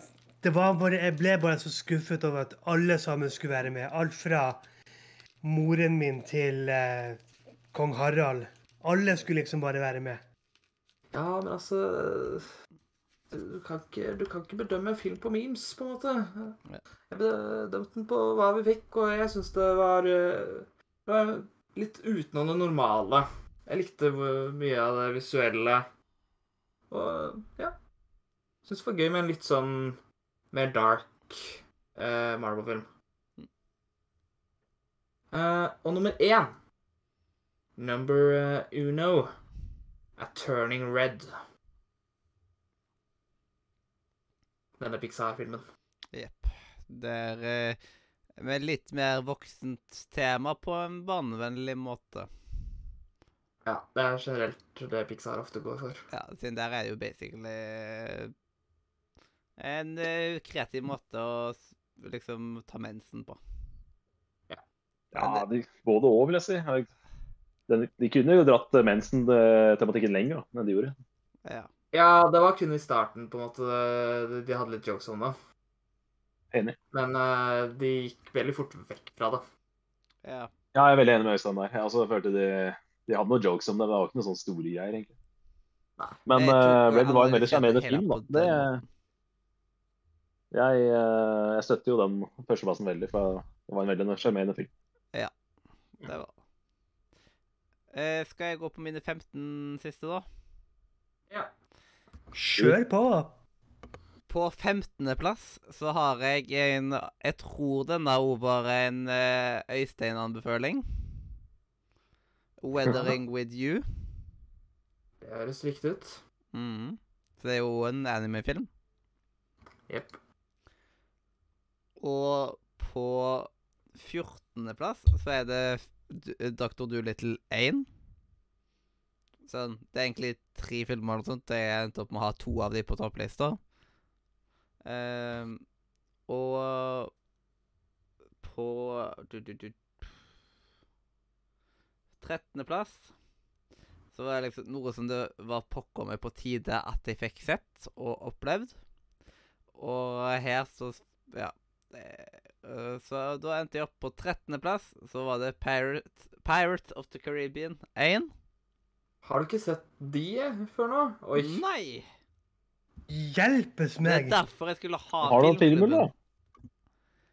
Og det er liksom Vi har, vi har alle noen filmhull, da. Sånn er det. Ja. Ja. Uh, men Jeg det er liksom Star Wars, meg Mathias har Pirates. Og, og jeg, det er liksom Og jeg har jo sett flere enn Men jeg, men, jeg syns at det eneren var den beste av de, liksom. Ja, det er enig. Det er enig. Det var liksom veldig god Ja, sånn God introduksjon til det universet, da. Sjøl om Eneren digger. Toeren syns jeg er ganske kul. Treeren har jeg kun sett én gang. eh, Og jeg husker ikke om det var toeren eller treeren der, Ja- eh, der Jonah I got a jar of dirt, I got a jar of dirt, I get what's inside it. Toeren. toeren, ja. Da var jeg liksom bare 18 når jeg så det, så bare jubla jeg. Jeg, toeren, I toeren så ser man David Jones for første gang, gjør man ikke det? Jo, Jo. Det var liksom Men problemet bare, er treeren så blir du blir, treeren så blir lei David Jones, David Jones. For det er ikke han så kul og spennende lenger. Ja, Og så er treeren litt lang. Treeren, treeren, er, treeren er for lang, syns jeg. altså. ja det syns jeg går egentlig. Jeg er en av de rare som liker treeren bedre enn toeren. Jeg tok også Pirates 1, 2 Nice. Jeg tok også Pirates 1, 2 og 3 på en uke, vel. Ja, men hva med fire, fem og 6, da? Det er bare Nei, de, de glemmer vi. De glemmer. Det blir som Home Alone. Home Alone. Home Alone. Ja, så der eh, Jeg mista listen etterpå det, liksom. Og folk har sagt liksom at eh, etter det så er det egentlig Du kan si det sånn, da. Fireren er, fireren er ikke sett. Alle som har sett den, sier at den er drit. Og femmeren Ja, er vel den da som har lagd den i nordmenn, da. Jo, Eh, og, den, og den har jeg vel Det er grunnen til at den andre har sett den. Det er fordi den har liksom ikke frista sånn enormt, da. Jeg syns fireren er søppel. øh, femmeren er OK igjen. Altså Det vil jeg tro. Jeg vil tro at den er OK, men den er ikke mer enn det, og det er det som er problemet. Og da Og er hvis det jeg skal tilbake til Pirates-universet, så ser jeg bare eneren om igjen. Og da er det eh, Ja, og faktisk, endelig så er liksom meg og deg enige om hva som er best i en serie. Eh, så Du, er- du og meg, tenker du på? Ja. Ja, det er hyggelig, det. Mm, det er hyggelig, det. Eh, og på tolvteplass så har jeg Spiderman Into the Spider-Verse.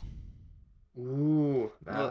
Nå- Det tok Det sin tid det før jeg filmen for meg, da. Den har ikke jeg sett ennå. Ja, uh, det tok sin tid før jeg fikk rota meg til å se det.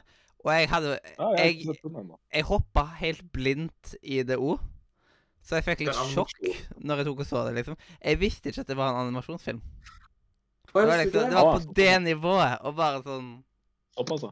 Ja, så jeg hoppa Ja, det helt blindt inn Det det. Den Men er så Jeg elsker animasjonsstilen. ja, eh, det var veldig, veldig Det var en veldig stilig film. Og jeg skjønner hvorfor han er så skrutt, skrudd og skrutt opp i sky. Eller hvordan man sier det? Skrudd, skrøt av? Ja. ja. Ros opp i sky. Skrydd opp i sky. Skrudd opp i sky. Uh, på ellevteplass så har jeg Paddington 2. Oi. Ah, kongefilm. Kongefilm. Det er filmer, begge to. Det er, det er sånn kampsak for meg. Kampsak for meg. Alle tror at Paddington 1 og 2 er barnefilmer, men de er knallbra filmer. altså. Ja, Ja, sånn, jeg elsker den. Siden det som Altså, jeg, det- for, eh, sånn, jeg trodde først at det var liksom Så jeg husker at det var noen animasjonsfilmer som jeg tror var noe, noe Paddington, Det stemmer, det. som var barnefilmer. Men Paddington er jo bare eh, fantastiske filmer.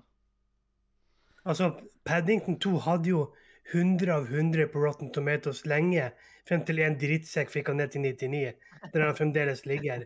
Og det er en grunn for det. Det er for at Paddington 2 er skambra. Mm. Ja, jeg er konge. Og det er jævlig kult når han kommer til fengselet, og så er jo han der kokken i fengselet er jo Bister. Ja. Ja, det er liksom sånn Ja. Det, det Og jeg er jo veldig glad i fengselsfilmer og sånt òg, liksom. Eller Ja, fengselstematikk. Og liksom bare, det solgte meg i alle fall. Sant, det tenkte jeg ikke på engang. Det tenkte jeg ikke på. Og så er det så jævlig fint slutt. Det er så jævlig fint slutt på den filmen òg. Ja. Ja. Det, og som sagt, mye av dette her Mye av filmene her er liksom Det går jo veldig på dagsform. Plutselig så er en film over en annen film og sånt. Så bare måtte jeg sagt. Men på tiende eh, jeg, jeg må si en ting til om Paddington, for det er en av mine barne, barneting jeg gjorde, var å sitte på lørdags, eh, lørdagen og spise lørdagsgodt og se på Paddington, fordi som du sa i stad, det var en animasjons-TV-serie som gikk på NRK da jeg var barn. Eh, og, og da var det veldig mye fokus på at han er fra Peru. Og det likte jeg så godt med den første Paddington-filmen. For da får du se opphavet til hvordan han kom seg til England, hvordan han får navnet til Paddington. Du får rett og slett se origin-historien til uh, Bjørn Paddington. Og det likte jeg så godt. mm. Eh. Bra. Og da kan jeg hoppe over på min tiendeplass. Og uh, topp Nå er det høyt nivå her, altså. Fytti grisen. Men på tiendeplass så er det rett og slett uh, Kalde føtter. Ja. Hei! 04-filmen. Mhm, -hmm. så, så det, er, Det er, par, det er et par filmer som er på disse listene som ikke har holdt seg. Jo, den Road Trip til Robin den har ikke holdt seg. Kalde føtter har ikke holdt seg. Mathias hadde ikke hørt om den engang, for jeg spurte skal vi se den. Ja, Det er rart Det er rart at han ikke har hørt om den. Det er uh, Ja, det kan jeg skjønne. Altså, Hvis jeg var en gutt født i 99, så hadde heller ikke jeg hørt om den filmen. Du, du skjønner at du ikke hadde hørt om han? Nei, vi- hvis Men, jeg ja. var en gutt født i 99. Ja, men det er ingen på jobb heller har sett den, liksom. Så Men ni, niendeplass Det var litt snakkis uh, når jeg gikk på ungdomsskolen, og det sier vel, det sier vel sitt. Ja. Om hvor uh, lite kjent den filmen er. Mm. Nei, men altså, sant, Jeg har en kompis, han er 01, og han fortalte at han hadde sett den på barneskolen, hvor læreren tydeligvis hadde kost seg litt vel mye. Under, under. Ja. Han hadde sittet der og På niendeplass så har jeg eh, eh, Er det thriller det går under? For, kanskje? Ja. skal. Exam. Ja, det er en thriller. Å, den har jeg hatt lyst til å se. Den er ganske spennende. Det, det, Hva er handler det om? liksom, det handler om at det, det er noen som eh, har søkt på en jobb, og for å komme videre i prosessen, så må de stå, eh, bestå en prøve. Og da er det at de eh, de, ikke, de kan ikke ødelegge liksom eh, besvarelsen sin. De kan ikke forlate rommet. De kan ikke snakke med eksaminator. Eller liksom Men utenom det så er det liksom veldig lite regler. Men når de får prøven utdelt, da, så er det bare et blankt ark. Og den der her det er liksom, Jeg mener på at man får prøven i real time òg, siden det er liksom en time prøven varer. Og det er liksom av hvordan man ser utviklinga og liksom Det Ja, det er helt vilt. Det, det er så bra. Var, var det pga. Nick at du så filmen? Eh, Eh, Jeg, jeg anbefalte den på den der eh, filmklubben, i hvert fall. Ja, OK, for jeg har hørt om han via Nick, altså Nick Hell. Ja. Nei, det er en av mine favorittfilmer, så jeg har anbefalte den uh, på filmklubben. Yep. Da skal jeg pine meg for sett den nå fortløpende. Mm. Jeg. Sånn, jeg eh, Det var gjennom Nick jeg hørte om han første gang, og så fikk jeg et ekstra spark i baken mm. når han ble eh, nevnt på filmklubben. Yes. Fordi jeg hadde han liksom planlagt på å se det. Så kjempebra film. Ekstremt. Det er et mesterverk. Og den er på Jeg tror det er på HBO Max. OK, OK. Mm. Og på åttendeplass så har jeg eh, rett og slett uh, origin-historien til Paddington, nemlig Paddington 1. Jeg satt og sant. vurderte lenge hva jeg skulle ta øverst, siden de to er egentlig veldig sånn De er veldig likt for meg. Så liksom Det sier hvor tett alle filmene er til hverandre. Og det har sette Mm. opp en topp 30 Ja, det- bare, bare i et Jeg har også slitt med å velge mellom Paddock 1 og 2. Det er. De er gode på hver sine måter og sånt. Og det er Absolutt. Og det er så mye herlig humor i når han ser hvor Ja, hans første møte med liksom sivilisasjonen og dukkende badet og Det skal jo komme en treer. Åh, det blir nice. Det blir nice. Og på syvendeplass så har jeg eh, en, eh, en film som vi snakka litt om i Radio Nordre Media, nemlig Buddy. Ja, endelig. Yes, yes, yes. Mm. Enda en film vi så i lag. Yes. Og så på sjetteplass Jeg liker liksom den filmen litt bedre enn Kalde føtter. Men altså, Buddy er en skambra film. Ja, det er det. Liksom. Det er helt rå. Men Jeg syns filmen har, den har den, det, det er Det tjener filmen at eh, det er et sånt uh, skue i liksom våre største skuespillere for 20 år siden. da. Ja. mm, Det gjør bare filmen enda litt bedre. Jepp. Eh, og min sjetteplass går til Kikkis Delivery Service. Oh, Som er en av de litt nyere Ghibli-filmene. Det er den med heksa, er det ikke det? Jo, jo. som er et postbud. Eller hva skal kalle det. Ja, Svamp. trist å se den. De må finne seg en oppgave, eller jeg- i en by. Jeg, det jeg venter mest på om dagen, er Kitori Academy, så kanskje dette er sånn mens vi venter-film til eh, Ja. Kitori. Kan se. Jeg vet ikke om jeg ville kalt den Den er, den er ganske gammel, den nå. Ja, ja. Men you know what I mean, ikke sant? Det var bare det, noe som slo meg nå. Nei, men uh, Mathias sa at det er en av de nyere Ghibli-filmene. Å ja. OK, OK. Ja. Det Når er det fra? 88, er det ikke det? 89, tror jeg. Så det er snakk om tre år etter selskapet var åpna. Det er en av de første filmene til uh, selskapet. Da, da sier jeg mer at det så veldig br At det liksom hvor bra han så ut. Ja. For det føles føltes ikke det- som en gammel film. Jeg tror det er enten film nummer tre eller fire, liksom. Det er liksom en av de første filmene de lagde. Er den der Men det er på jo en bra film. Den er på Netflix. Alt av Ghibli er på Netflix i disse dager. Nice, nice, nice. Jeg må prøve å sjekke den ut. Yes. Um, ja. Men i alle fall, da så kan jeg gå videre til min femteplass, som er Turning Red. Den har vi snakka litt om allerede. Ja, men hei, den har jeg sett. Mm. Og fjerdeplass er uh, Chippendale Rescue Rangers. Det var vel filmen Ja, den, uh, den filmen likte jeg godt. Det er bra du hadde den på lista di. Den, uh, den var god. Den, den likte jeg jo veldig godt. Det var spesielt når det var liksom Ugly Sonic. Da Ja. Jeg Jeg bare Ja! Det, Det var det er veldig viktig. Jeg likte, jeg likte når de kødda med Polarekspressen der, jeg. Det likte jeg best. Og apropos Ugly Sonic, på tredjeplass så har jeg Sonic the Hedgehog 2. Oi. Eh, og jeg syns det var en kjempebra oppfølger. Og liksom Det skal visst eh, være Jim Carreys sin siste film. Ja, det er trist, så derfor Det er liksom dumt at det Men de, de, de har jo sagt at Sonic 3 kommer, og det å bytte skuespiller da, det, det, det er jo helt høl i hodet. Ja. Det blir Det blir Ja. Ja. Det blir ja. Ja, ja, ja, ja, det blir ja. Det, Men det er sånn blir til masse I Harry Potter også, så er det folk som bytter rase og kjønn og alt mulig. Så Vær så snill. Ja. Vær så snill. det er jo ikke... Ja, det er et problem at Dumbledore døde jo, stakkars. Ja. Så de kunne ikke på en måte ja, det var ikke sånn, sånn at han ikke ville. Ja, og det var liksom når de skulle bytte ut Når de skulle skaffe en ny albesømmelse, så var det liksom ikke sånn Nei, vet du hva, vi må bare drite i å lage resten av filmen, da. Bare Å nei, shit, han døde. Ja ja, det var den serien. Mm.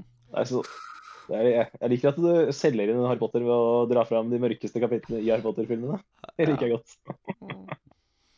Ja, sant, nå er det snakk om at han vil pensjonere seg, ikke at han dør. Men bare sånn Nei, jeg, jeg, jeg har ikke lyst mer. Mm. Det må være hans valg. Ja, så Ja, ja. De kan ikke de kan verken bestemme når en skuespiller dør, eller når en skuespiller pensjonerer seg. Nei, det kan man ikke. Det er Det- sant. Men uh, det var uh, Det var uh, Ja, jeg er imponert over at han klarte å gjennomføre uh, han, Humlesnurr nummer én. da. Jeg er imponert over at han klarte å gjennomføre mysteriekammeret der. Han, han var sliten. Han hang, han hang på siste verset i den filmen. På å si det sånn. Men de sliter Men, med Morty nå, da. Fordi han, han som spiller begge hovedrollene, har jo vært litt i trøbbel en dag, så han har jo fått sparken. Så neste sesong skal jo ha nye stemmeskuespillere for begge to. Mm. Men jeg vil bare Eh. Ja. Jeg vil bare si en liten fun fact. Jeg har aldri sett Sonic 1, Men jeg så Sonic 2 på kino. Ja. Ja, det, hva, hva, hvor, hvor, er, hvor kommer funfacten? Hvor kommer funfacten hen? Nei, det var bare det. Bare litt sånn eh, Jeg har også sett den. Bare for å være Ja, inkludert men, i samtalen. eh, men du likte, du, du likte den, eller? Ja, ja. Jeg så den faktisk samme dag som jeg så eh, Humlesnurrs hemmeligheter. Jeg hadde litt ja. tid å slå i hjel, så jeg bare hoppet inn på Sonic.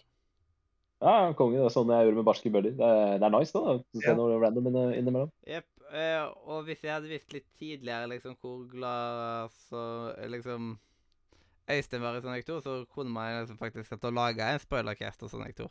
Men da har jo Øystein sagt ja til eh, spoilercast av Sonic 3, da, i alle fall. Eh, Det, det, er, det her er litt viktig. Det her er litt viktig for meg. Skal, skal vi få til Spoilercast, så må vi gjøre den avtalen på forhånd.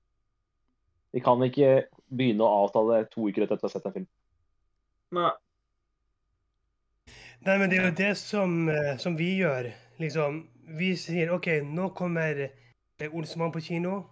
Da har vi spoilercast. Det var jo det vi gjorde med både Burning 3, Doki Doki og Olsenbanden. Ja, og da, da funker Spoilercast for meg, hvis dere gjør det. Ja. Men når du, når du da trekker deg fra en jentetur, så er jo det veldig dumt. da. Det, det kommer du til å Jeg- høre frem til du Jeg følte at jeg hadde pint deg en og en halv time nok. Da ville jeg ikke pine en gang til med å gjenoppleve filmen inn i hodet. Det Er ikke som det liksom et poeng med Spoilercast, da? Ja, siden en spoilercast, det, det skal jo ikke bare være at man skal ta og hedre noe. Det kan òg være at man kan si sine ærlige meninger og si at eh, jeg syns det var dumt at de gjorde sånn og sånn og sånn. og sånn. Man kan snakke liksom Man slipper å tenke på spoiler, så kan liksom Ja, ja, jo, men eh, jeg, jeg følte bare at vi hadde mye annet på agendaen òg den kvelden. Vi Det hadde som jo er, eh, det som er, mm. Ja. Vi hadde jo tolv Det episoder med listene vi skulle gå gjennom.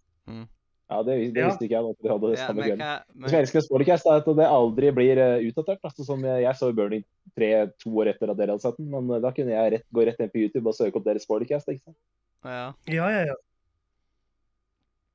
det er sant. Vi eh, prøvde å liksom presse ut eh, siste skri... En, ja, det var Olsmanns siste skrik som siste ut liksom Så Jeg close sa til deg-. Jeg sa, jeg sa til deg at anmeldelsen kommer der. Kan vi få ut podkasten der? Jeg sier jo i anmeldelsen min Hør episoden ned i beskrivelsen. Og når det ikke var noe link der i en ukes tid Det var ganske vondt. Ja. Eh, men i alle fall På andreplass så har jeg Spiderman No Way Home. Ohoho. Som jeg tok og så på bursdagen min, og som Filmen eh, er så bra. Når fyller, når fyller du? eh, 12. mars. Det var jo det, det, var det du fikk i bursdagsgave av meg. Jeg, jeg tok den med med på kino. Ja. sånn. Så Øystein, Øystein, du så den i desember, Mathias så den i mars, jeg så den i april. Så det var veldig spredt. Vi så den på kino veldig spredt. da. Ja, det Hvordan Men, kunne, eh, Øystein, hvor, hvordan kunne Øystein se den i desember når den var bannlyst i Norge? Du har hørt om Sverige, ikke sant? Det er liksom et par meter eh, bort. Å ja, faen, du, du, du, du dro til Sverige, du. Jeg hadde lyst til å dra til Sverige, jeg. Faen òg. Ja, men det, er litt lenger, det var litt lenger for deg å dra til Sverige enn det var for Øystein akkurat da, når han var på Ja, Østlandet. jeg, bod, jeg, jeg bodde jo i Drammen, så det, det var et par andre stykker som skulle dra. Ja, OK. Din heldige lille jævel. Det var et par andre stykker som skulle dra dit, så da tenkte jeg why Yes. not? Men jeg følte min eh, opplevelse av den filmen ble litt ødelagt. Så det er bra at ikke du fikk den ødelagt. da, Mathis.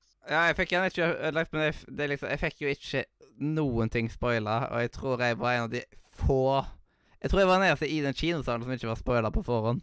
Hvis det ikke var noen som hadde tatt med seg bestemora si Olga på 90 for eh, de de ikke kunne, fikk lov å gå på kino alene. Nei, si det. Jeg husker ikke noe av den dagen der. Jeg var altfor drita. Var du? Vi sier det.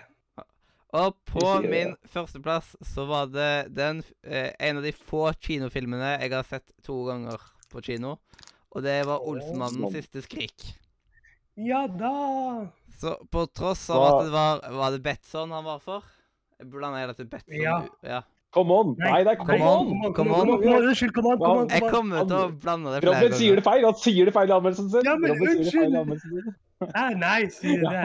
Ja, det, er jeg, det, det. det tok vi å snakke om. det er bare jeg som bryr meg om det. Når jeg og Simen møttes, så tok vi å snakke om anmeldelsen din.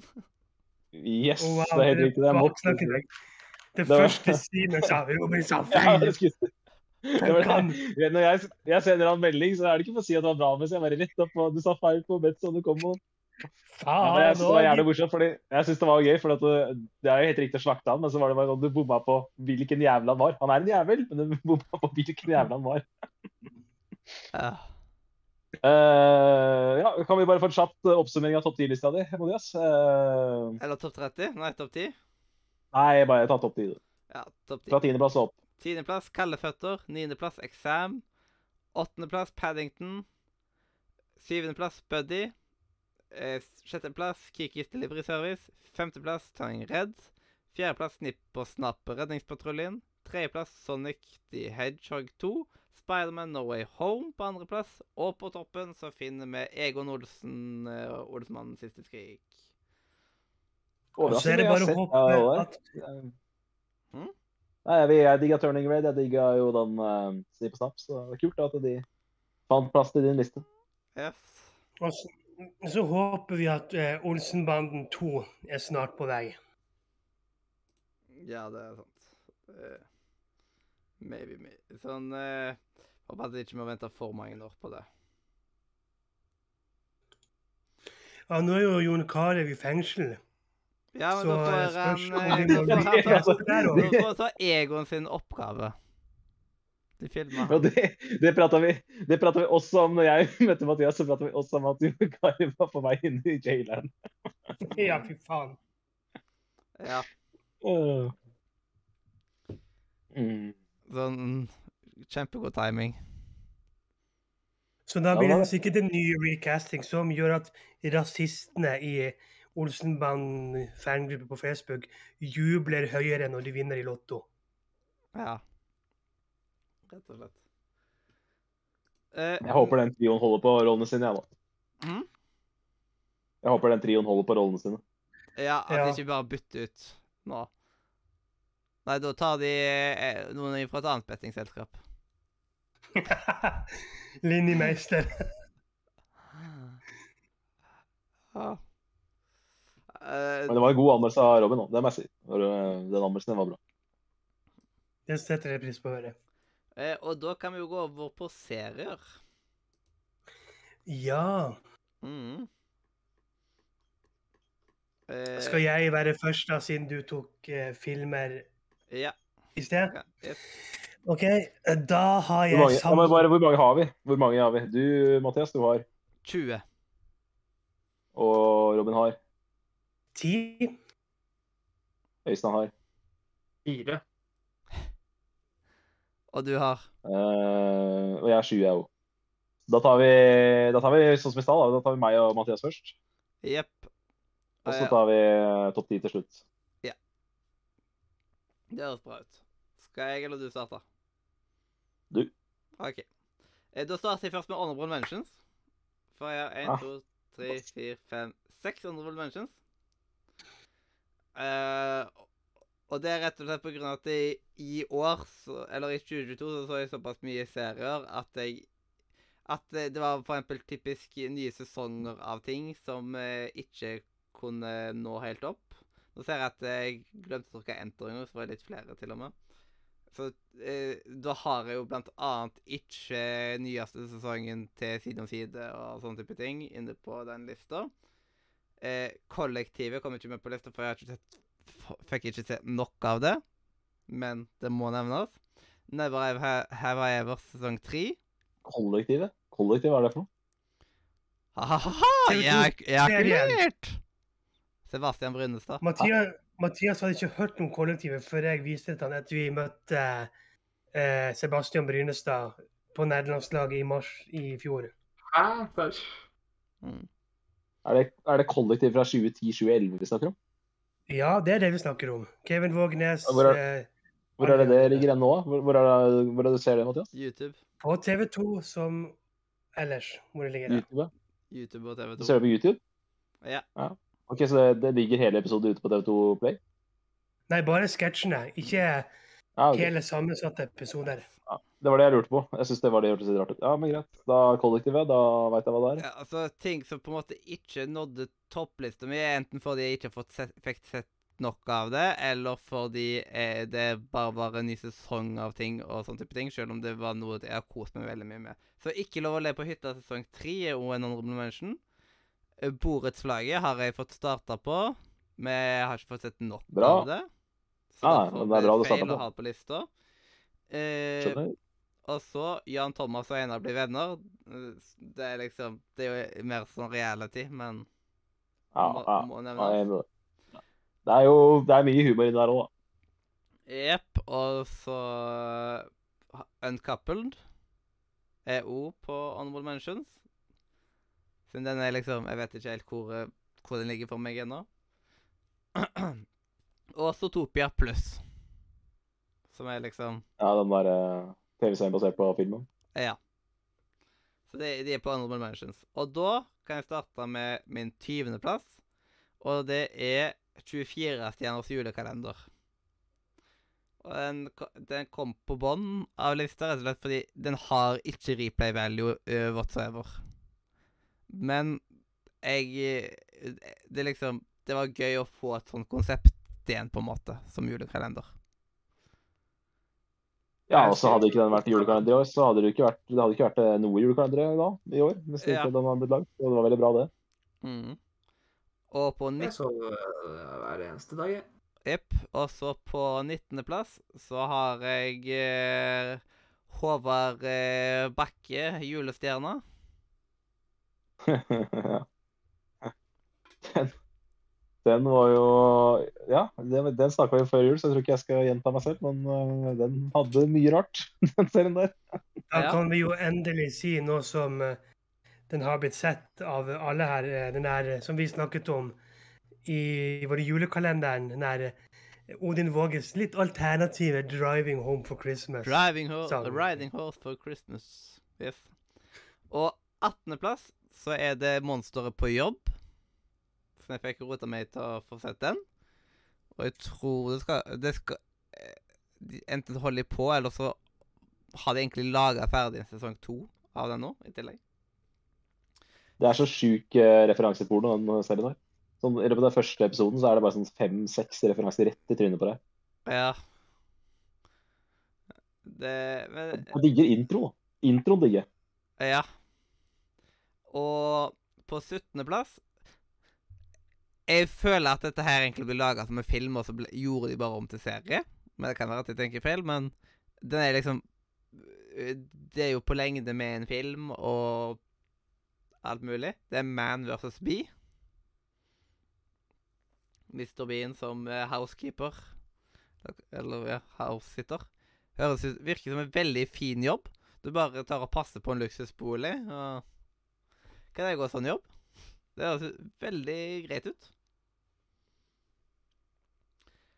Og på 16. plass så har jeg Lunsj. Jeg på lunsj nå, da. Det, det er eh, veldig korte episoder, men det er liksom Ganske Ganske gøyal uh, serie. Fem, Henrik eh, er med der. Ja. Det er uh, Han er en litt av en skrue. det kan være enig. Men det er liksom Jeg føler at han bare spiller seg sjøl. ja. Det gjorde han vel i Nissen i bingen også. Men eh, ja. Jeg storkoste meg med det og håper at det kommer flere sesonger. 15. plass så er det en eh, en eh, serie med, med Daniel Radcliffe, faktisk. Miracle Workers. Der uh, det er liksom Hele etterlivet er et stort uh, kompani, eller hva man skal si. Sånn at når du dør, så får du en arbeidsoppgave i det, det store firmaet. Og da er jo, jobber jo Daniel Radcliffe på bønnesvaravdelinga, og han er liksom veldig så minimalistisk på liksom svare på bønner ut ifra at noen skal finne nøklene, og da bare styre litt med vinden, som at eh, det blåser av noen blader, og så Å, der kommer liksom det! Og det kommer noen som er litt mer eh, ja, har litt mer maur i rumpa og bare vil eh, gjøre litt større ting, og det har jo sine konsekvenser. Og så, ja det, Jeg bare syns at det er litt sånn gøyal For meg så var det liksom en fin ting å gjøre etter jeg hadde blitt ferdig med en annen serie som kommer opp litt senere i lista. Og 14.-plass Jeg tok jo og så gjennom hele Helt perfekt for første gang i 2022.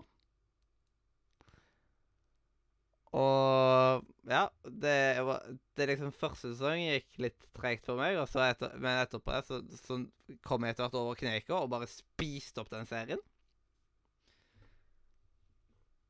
Og 13.-plass så har jeg en serie fra 2018, tror jeg det var.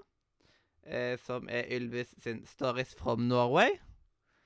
Og hvorfor kunne du ikke lage mer av det? Det er så utrolig god, fin måte å ha, gjøre folkeopplysning på, selv om man fort kan ende opp med å blande litt sånn detaljer, men kan du si. de viser jo De har faktisk med liksom faktiske de, så faktiske folk fra hendelsen og sånt. Så liksom Mm. Et utrolig bra konsept. Synd at det ikke er mer. Og så må det jo nevnes at uh, vår venn Hedda ifra Som har vært med i noen episoder av podden og i Julens rom og sånt. Hun eh, er jo mulig å se i en av episodene. Så det, det er jo gøy, alt det. Og den tolvteplassen øh, den, øh, tolvteplassen min, så er det Hvite gutter. Ja, det, det er en serie som uh, den, Så du hele av den i 2022? Ja. Ja, den så jeg hele av i 2021, og det er typisk Kinderegg-pris for eh, TV-serier. Den eh, overrasker meg skikkelig positivt. ass.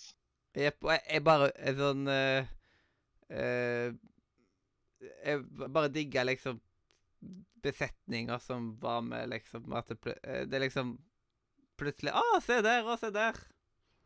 Ut ifra skuespillere som dukker opp. Så det er gøyalt at Og så øh, er jo Ja, det er de har fått med utrolig mye rare, rare roller der. Eller rare folk til å spille i forskjellige ting. Yep. Og så er det hyggelig at uh, Krølltoppen fra, fra Hjort på månetoppen har blitt eh, stor, da. Ja, så er sånn Leo, som han heter i Hvite gutter.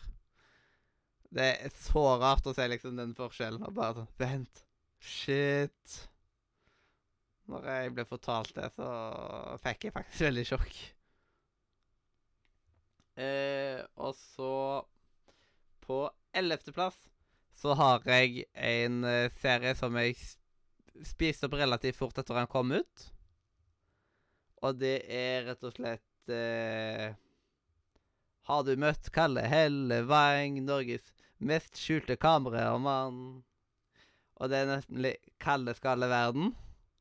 Og det er liksom en dramaserie av Kalle som holder på med skjult kamera. Så rett og slett at han har det som en karriere.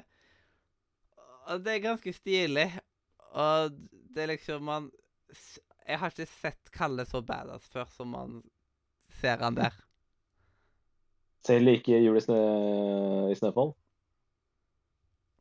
Han var ikke så badass på den måten. Nei, han var kanskje ikke det. Ja. Men uh... Jeg syns Triksen er badass, da, men det er bare meg, da. ja. Men uh, jeg gleder meg til sesong to.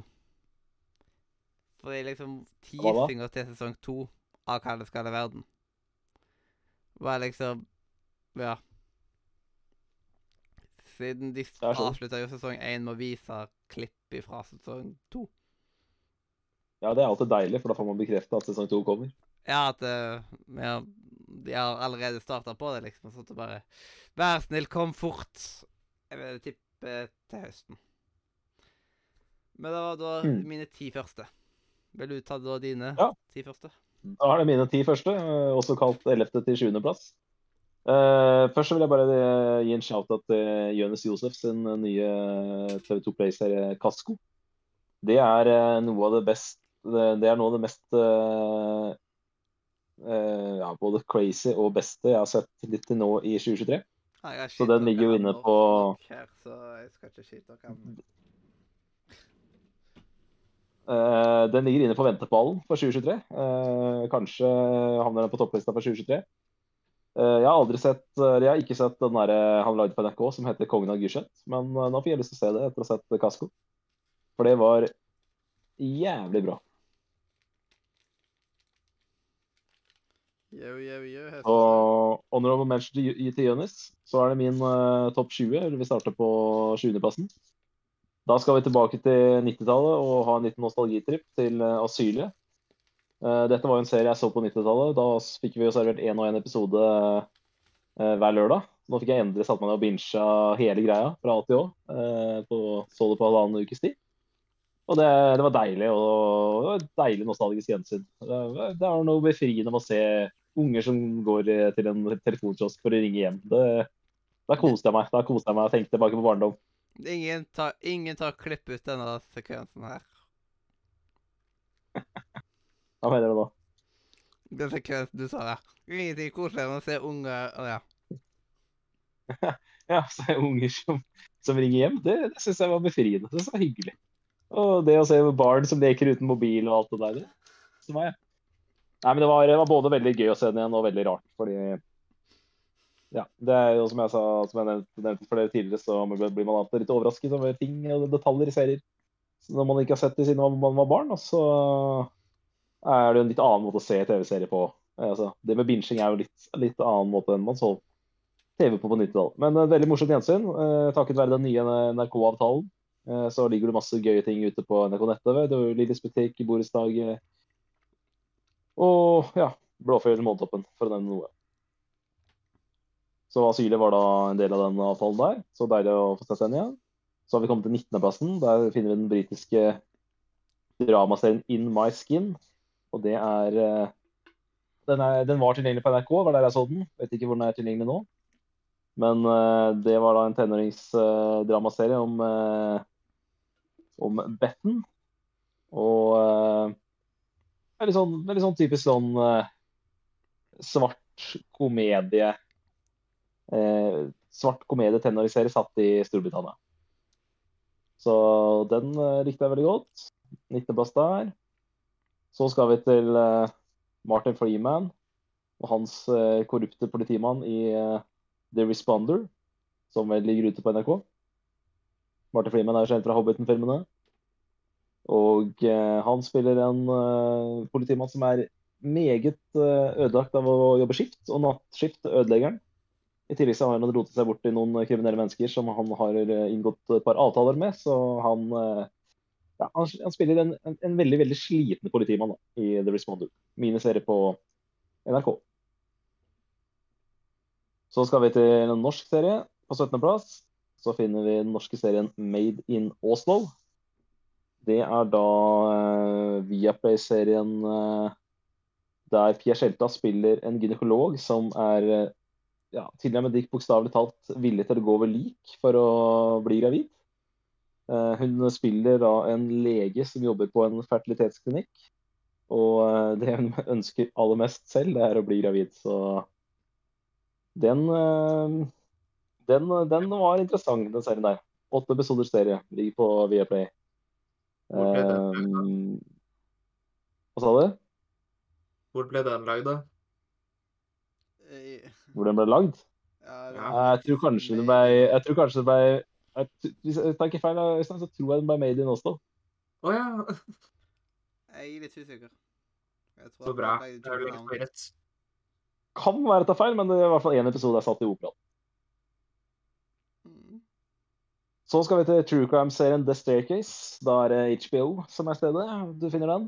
Eh, Det er da Colin Firth som spiller en eh, fyr som eh, ble mistenkt for drap på kona si back in the day. Så skjedde det mye kødd.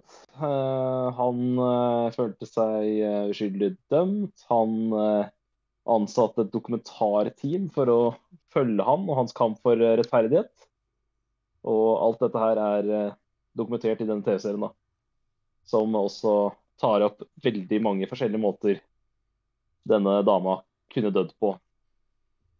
Så eh, bare veldig Altså, en grunn til at den serien der fikk en, eller den historien der ble, fikk en TV-serie, det er fordi at det var en veldig rar historie. Og det er derfor den serien er minneverdig, enkelt og greit. Fordi det har en rar historie om en rar mann. Uh, ja. Uh, Staircase ligger på HBO. Og så har vi kommet til 15.-plassen. Da skal vi også til en HBO-serie som kom i sommer. We Own This City. Miniserie fra en av skaperne bak eh, Var det The Wire, da? Det tror jeg. Der han eh, som spiller Punisher, spiller hovedrollen. Spiller en korrupt politimann. Jeg husker ikke hvor den serien er satt. Det handler om hvordan korrupsjon gjennomsyrer politienheten i denne byen. Og også da basert på en sann historie. Det som var befriende med serien der, var at det var en miniserie. Det, det var jo fem sesonger, så var dette her en miniserie på seks episoder. Så det var veldig greit å komme seg gjennom. Så på 14.-plass så er det litt norsk. Da har vi eh, Rykter. Eh, rykter er rett og slett den beste Altså av, hvis, du, hvis, du, vil ha realistisk skildring av ungdomstid i Norge, så er dette her det beste og mest realistiske jeg har sett siden Skam. Uh, det som gjør Rykter så bra, er at uh, den er satt uh, til et lite øysamfunn, øysamfunn utenfor Bergen. Og alle skuespillerne som spiller her, er omtrent fra området, som gjør at det er veldig troverdige dialekter i den serien der. Så det var en herlig positiv overraskelse for meg i 22. Gleder meg til sesong 2. Jeg er gira. Cliffhanger slutt på slutten av sesong 1, så dette gleder jeg meg til i, i uh, det neste året. Og så på 13.-plass Om ikke det bare er rykter? Ikke sant, ikke sant, Mathias. Det er, det er skummelt med disse ryktene. Det er skummelt.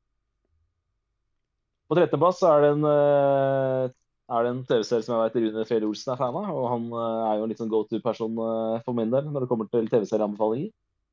Han er stor fan av TV-serien The Americans. Den, fikk, den ble tilgjengelig på Disney Pluss denne våren. Så da så jeg halvannen sesong med det.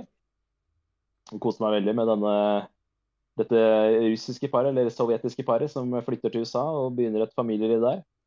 Alt er bare skalkeskjul for å drive etterretning på amerikanerne.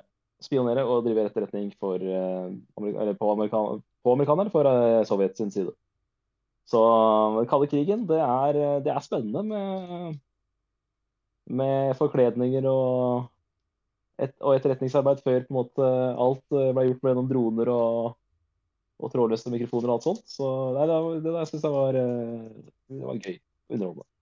Og også alltid litt gøy å se en en TV-serie som eh, det er to stykker som spiller mot hverandre, har blitt sammen i etterkant av av innledet forhold i etterkant av innspilling. Da er det alltid litt gøy å se, gå tilbake og se hvor det forholdet starta. Så det var også en sånn liten nysgjerrighet for min del. Uh, da er det to plasser igjen før jeg er halvveis. Og da har vi kommet til tolvteplassen. Eh, en TV-serie som jeg virkelig koste meg med i eh, 2021, det var Snabba Cash. Og i 2022 så kom Snabba Cash sesong to. Og det er eh, Det er uh, hardbarka gangsterkrim og en gangsterthriller og alt sammen. Alt, hvis, hvis, du liker en litt sånn fast-paced serie med dop i, så er Snabba Cash alt du vil ha. Enkelhet. Den er, serien heter Snabba Cash, og serien er snabb. Og Seks episoder går unna som bare fankeren. Så det var helt nydelig. Den var rett og slett uh, Og også en av få uh, serier jeg har sett de siste åra der sesong to lever, lever, opp til sesong én. Så um, likte sesong to veldig, veldig godt. Og så skal vi tilbake til desember 2021. For da så jeg nemlig TV-serien Kin, som jeg så en anbefaling med rett i forkant av jula 2021. Og eh, Kinn ble med en juleserie, og det handla om en eh, kriminell familie eh, som drev med organisert kriminalitet i jeg tror serien var satt i Irland. Så det var irsk serie som handla om en kriminell familie. Tungt kriminell familie. Veldig kul. Et par Game of Thrones-skuespillere med. Og ikke minst han eh, som spiller hovedrollen i Daredevil, som jo også er en personfavoritt. Yes. Skal vi gå videre, da? Ja, da kan jeg ta. Ja.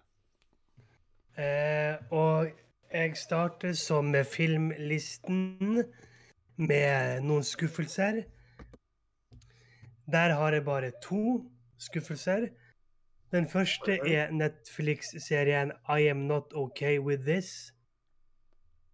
Jævlig rar, jævlig skuffende, og jeg er uhorvelig glad at den serien ble kansellert etter én sesong. Fordi fy faen til noe makkverk det der var. Og den andre er da den norske serien Ida tar ansvar, basert på boken med samme navn. Den var Jeg hadde store forventninger til den, men det ble bare skuffende. Det var et par episoder som var, jeg synes var jævlig bra. Den episoden med treet syns jeg var konge. Ja, jo, men eh, jeg forventet liksom litt mer. Ja, Hvis jeg er skjønner. Eh, Totalt sett. Litt kjedelig serie totalt sett, men eh, det var enkelte eh, scener jeg likte hver, hver eneste episode. Ja. Så til honorable mentions. Her har vi en del ting. Her er det rett og slett fordi at det nådde ikke opp, eller fordi at jeg ikke fikk sett ferdig alt. Det, det er to, to serier her jeg ikke har sett Nei, tre serier her jeg ikke har sett ferdig. Og en serie hvor jeg ikke har sett siste sesong, rett og slett fordi at jeg ble bare for mett. Um, du, Simen, nevnte jo asylet som en del av den der eh, Norvaco-avtalen NRK endelig fikk stemmer. eh, eh, utgitt. Og Ja. i fjor så fikk jeg endelig oppfylt drømmen min fra jeg var barn. Og er få sett alt av Uhu på nytt. Aha. Så jeg, jeg spiste meg gjennom hele Uhu, som jeg ikke har gjort på hvert fall sikkert 15-16 år, kanskje mer. Og det var uhorvelig deilig. Ja, jeg burde hatt Uhu på en honorable mention sjøl, og jeg kom liksom ikke på siden jeg tenkte ikke ja, og jeg, jeg trodde du hadde det for høyere oppe. Nå, nå, nå, nå, nå ødela du for meg. Nå ødela du for meg. ja, men jeg støtter, jeg støtter det. Altså, det er alltid noe Ja. man glemmer på Honorable Mention. Sånn er det alltid. Jeg kunne sikkert hatt Ja. noe på Honorable Mention, jeg som jeg ikke hadde. Altså, Nei, jeg bare, grunnen til at jeg hadde Ja. på 20.-plass, var litt for å hylle nettopp den avtalen der, som du sa. Da. Det var Ja, ja. litt sånn hyllest i den avtalen. For kvalitetsmessig så var ikke asylet eh, fortjente ikke topp 20, men jeg bare ville slenge den med. Siden det var en sånn eh, nostalgitripp på meg, akkurat som hun var for deg. Mhm. Eh, jeg har sett eh, På neste Honorable Mention så har jeg, jeg har sett episoder glimtvis, men dette er første gangen jeg har satt meg ned for å prøve å se alt. Klarte ikke det, men Honorable Mention da er neste sommer. Så til den serien som jeg bare ble mett av og ikke har sett siste sesong, er da Side om side. Der jeg også satt med og så alt. Andre serie jeg har sett, er da Presten. Ja, du, du, du, du har sett hva sa du om Du har sett alt av Side om side? Eller du prøvde å se alt av Side om side? Jeg så alt om Side om side, og så kom det en ny sesong, og jeg bare Å, hjelp! Og da falt jeg har av. du har ikke sett 2021-sesongen? Nei, Nei. unnskyld, 2022-sesongen? Nei, den har ikke jeg sett. Nei, jeg skjønner. Men jeg så hele presten. Bjarte Tjøstheim som blir prest. Litt rar serie, men jeg så den mest pga. jeg elsker Christian Skolmen. Det er gøy det er, altså, det er gøy med dokumentarer. Da. Det er en bra dokumentar. Ja. Eh, også den, en serie som Jeg vet ikke om dere har hørt om han, kanskje Simen? En serie som heter Ran. Med Anders Baas og Ja, Christian Skolmen. Det er jo det, det er, sam, det er eh, topp tre all time for meg. Topp tre all time norske, da. Time- Ja. Den var jævlig bra. Den, den Han nei, var jo gøy å endelig få sett den. Ja, fy faen. Hvor så du den nå? Jeg, har, jeg fant den på DVD, som ikke Ja, ja. blodpris. Den, eh, den er så bra. Jeg bare synes, Introen er helt fantastisk. Musikken er fantastisk. Og så var det første Mhm. gang jeg så Kyrre Hellum i en stor rolle. Ja. Eh, en serie ikke så ferdig, det var Netflix-serien eh, eh, om Jeffrey Dahmer. Den Monsters Jeffrey Dahmer-story.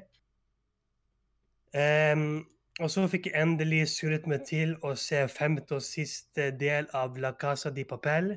Papirhuset på norsk. Etter at jeg ble tvunget til å se, fordi jeg syns del fire ikke var så jævlig bra, men Nei, det var så skal- jævlig kjedelig. de skal ha at uh, del fem den, den sluttet akkurat som man skulle tro at den ville slutte. Okay. ok. Hvor mange, Eh, hvor, er, hvor, mange sesonger er det? det, er, det er, Fem. er det fem sesonger? OK. Jeg ja. har sett fire. Og jeg er sånn som deg at jeg gidder ikke mer, fordi jeg syns sesong fire var ganske kjedelig. Altså, for de som ikke vet, liksom, eh, Papirhuset sesong én og to er én historie, og tre, fire og fem er en annen historie. Ah, ok, greit. Eh, så har vi Stranger Things sesong fire. Oh. Så har vi da eh, en serie som jeg hadde lyst til å se lenge, og som også kom på NRK pga. Norvako-avtalen En serie med, eh, Ky- med Kyrre Haugen Sydnes eh, og eh, Pernille Sørensen, nemlig Åse Tonight. Ja, Og hvis vi snakker om eh. Trond, Trond Fausa, det er husker også jeg. det. Ja, det husker jeg kom. Jeg husker den gikk da jeg var barn, men jeg så den aldri. Nå, ja, Jævlig det er rar er serie. Men Ja, det, eh, det, det, det tror jeg på. Det tror jeg på. For de som ikke vet, så handler det om Åse, da. Som uh, skulle ønske at hun var talkshow-vert. Så hun ser liksom for seg at hun er Skavlan og intervjuer de hun møter. Uh, en serie til jeg ikke fikk sett ferdig, er da Lucifer. Som handler da om Lucifer, som uh, går rundt i New York og blir på en måte slags politimann, detektiv, og er med på å løse drapsgåter. Og den siste honorable mention er da Netflix-serien med Neil Patrick Harris, 'Uncoupled'. Det var bare på honorable mention, ja. Ai, hjelpes. Det, det, det, det var honorable mention, liksom. Det var helt honorable mention. Mm. Så begynner vi på den faktiske listen. På tiendeplass har jeg TV Norge, Dplay, Discovery Pluss-serien, alt hva du vil si. Det kunne vært verre. Med Espen Eckbo. Ja. Hvor han spiller da pappa til ni, ti, elleve barn. Jeg husker ikke hvor mange barn han hadde. koner å forholde seg til. Ja. Sju er det. Sju barn med seks forskjellige koner, var det vel. Yep. Ja, tror det. Så uh, interessant serie. Skulle ønske det var litt mer av den, men uh, at Ja, men du vet, det kunne ser- vært verre. det kunne vært verre. Eller det kunne vært så, mindre. Jeg spiser jo serier. Jeg setter meg ned og sluker alltid ett glefs hvis det er mulig. Og det har jeg gjort med nesten alle de her. Eh, på niendeplass så har jeg endelig i fjor satt meg ned og så hele The Big Bang Theory. Oi, såpass, ja. Fra start til slutt. Og det var, kan man si, en, en reise. Jeg kommer nok ikke til å gjøre det igjen med den. På åttendeplass har vi eh, serien Aldri voksen, med bl.a. Atle Antonsen, Christian Skolmen, Ine Jansen. Og handler rett og slett om voksne folk som på en måte aldri blir voksen. De er på en måte De liker ikke voksentilværelsen. Sjuendeplass så har vi en serie jeg ble anbefalt av en kompis. Sesong tre kom i fjor, som gjorde at jeg ikke måtte vente så lenge. Men det er da eh, serien Barry, som handler om seriemorderen Barry, som er lei av å være seriemorder, og som har lyst til å begynne på noe annet, og begynne da med teater. Veldig corny serie, men jævlig kul. Ja, kul. Sjetteplass har vi en serie jeg stresset som faen med å se. Jeg slukte den på nyttårsaften. Jeg satt og bare Jeg må bli ferdig, må bli ferdig, må bli ferdig. Og det er da Netflix-serien Julestorm. Denne norske flyplass-serien. Og dere vet jo at jeg var jo superhyped på den. Og det at jeg ikke fikk sett den før i, på nyttårsaften, viser jo hvor travelt jeg hadde det i julemånedene. For ellers så hadde jeg sett den den 16. desember når den kom, men det fikk jeg altså ikke gjort. Men elsker serien, og um, kommer definitivt til å se den igjen i år. På femteplass har vi sesong tre av Rådebank. Ja, jeg lurte på om du skulle ha det på lista. Yes. Og eh, litt sånn Vet ikke helt hva jeg syns om slutten av serien, men um, Ja, altså Jeg elsket de to første sesongene, så det liksom Den måtte bare komme inn her. Og på fjerdeplass har vi en serie jeg så faktisk to ganger i 2022. Én i starten av januar og én i desember. Og det er da Familien Lykke på NRK. Og eh, går og venter på sesong tre, fordi Nei. det er rett og slett bare en gøy og koselig serie. Og tredjeplass har vi en serie jeg slukte på en ukes tid. Det er sånn her eh, Jeg bare sopte alt i meg, og det er da Hvite gutter. Ja, helt enig. Og det var jo, det var jo på min liste på, i julekalenderen i fjor over popkultur jeg ikke har fått med meg. Så den Ja. spiste meg igjennom. Ja, siden du begynte vel på han etterpå jeg hadde kommet i gang med han, og så liksom tok Ja, du og så ble jeg ferdig spise- før deg. Ja, fordi jeg hadde liksom, eh, Men du tyner igjen er gjennom serie, og det gjør ikke alltid jeg, liksom. Hva du skulle si, Simen? Nei, jeg bare så nesegrusa beundring over den serien. Mhm. På andreplass har vi en serie som overrasket meg jævlig. Sesong tre kom ut i fjor, som gjorde at jeg også ikke måtte vente så veldig lenge. Og sesong tre slukte Du, på en kveld. Hvite gutter ble jeg faktisk ferdig med før deg, siden jeg ble ferdig med det på LAN, mener jeg på. Og da var det, du hadde noen episoder igjen. Det husker jeg ikke. Kan godt være, hadde men samme fall. Du tar, 'Å, tar jeg deg igjen nå?' Nei. Og så bare liksom tok jeg og avslutta den på LAN. Ja. Uansett, eh, sesong fire kommer forhåpentligvis i år. Og det er da Netflix-serien Never Have I Ever. Som handler da om den eh, eh, indiske Altså en, en, en, en, indisk jente som går på high school og vil bare oppleve det å være ungdom. Og det er kanskje vanskelig når man er buddhist og indisk og Yes. jævlig bra serie. Som jeg sa, jeg slukte sesong tre på en kveld. Og satt etterpå og bare Jeg vil ha mer! Ja, Jeg jeg, ha jeg hadde sesong tre på Honorable Mention, fordi jeg hadde ikke plass til å liksom bare putte på nye sesonger av ting. Jeg måtte liksom Ja. ta fokus på det nye.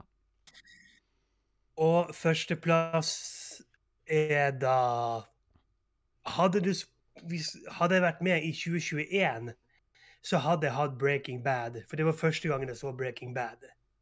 Mm. Men i 2022 så var det på tide, når siste sesong kom inn, før jeg ble spoilet dritten ut av, og det var å se hele Better Call Saul. Som da er spin-offen til Breaking Bad. Jævlig bra serie. Eh, Saul Altså, en hel serie om den shady advokaten Saul Goodman. Fantastisk serie. Og jeg skulle ønske at det var mer av Breaking Bad-universet. Men nå har jeg sett alt som er, av både begge seriene og filmen. Så eh, det var min toppliste.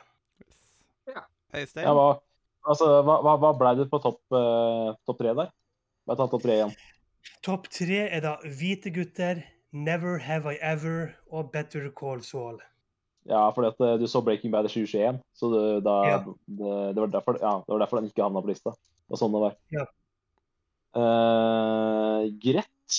Da har jeg notert det. Øystein? Ja, eh, da jeg hadde et veldig bra spillår i 2022, og et helt OK filmår i 2022, så hadde jeg en utrolig eh, dårlig Altså, jeg, det var veldig lite serier jeg så. Jeg så mye opp igjen, men jeg så liksom ikke mye Og nytt. Stranger Things, sesong fire, vet jeg du så. Ja.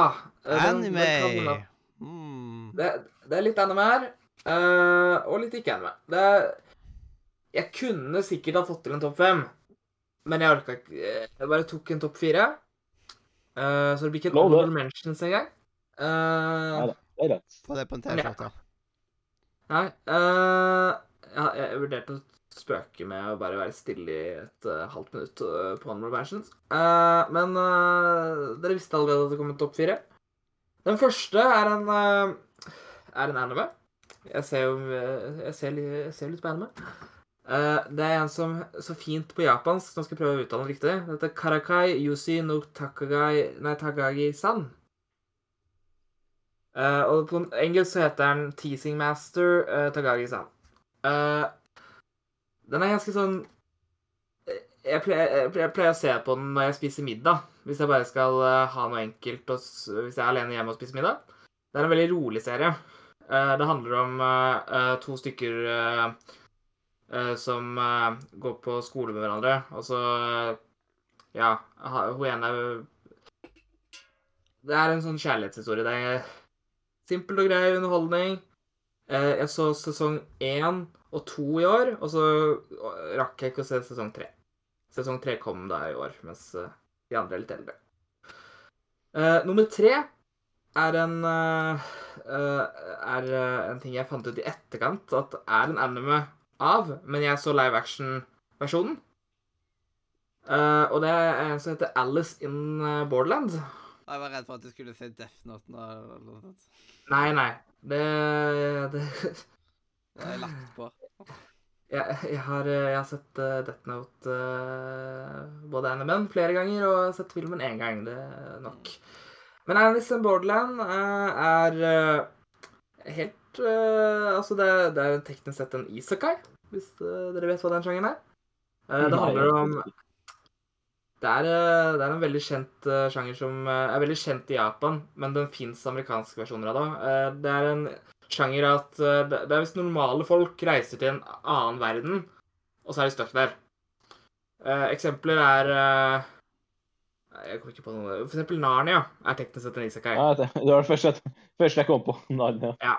Uh, Alice in Borderlands handler om eh, noen folk som da blir stuck, i en annen versjon av uh, Tokyo. Uh, hvor de da må spille typiske leker. Det er litt sånn som Squid Game, bare før Squid Game. Det handler om folk De skal basically le spille barneleker for å kunne få lov til å overleve. Og så ja, senere viser det seg at uh, de, de må prøve å finne en vei ut, da. Uh, og for hver gang de fullfører et spill, så får de en, uh, et kort fra en kortstokk. Så det er mye mystisk. Den har foreløpig to sesonger. Og ja. Første sesong kom i 2020, og den nye sesongen kom i år. Eller i fjor blir det, da. 2022. Eh, så ja. Kul serie.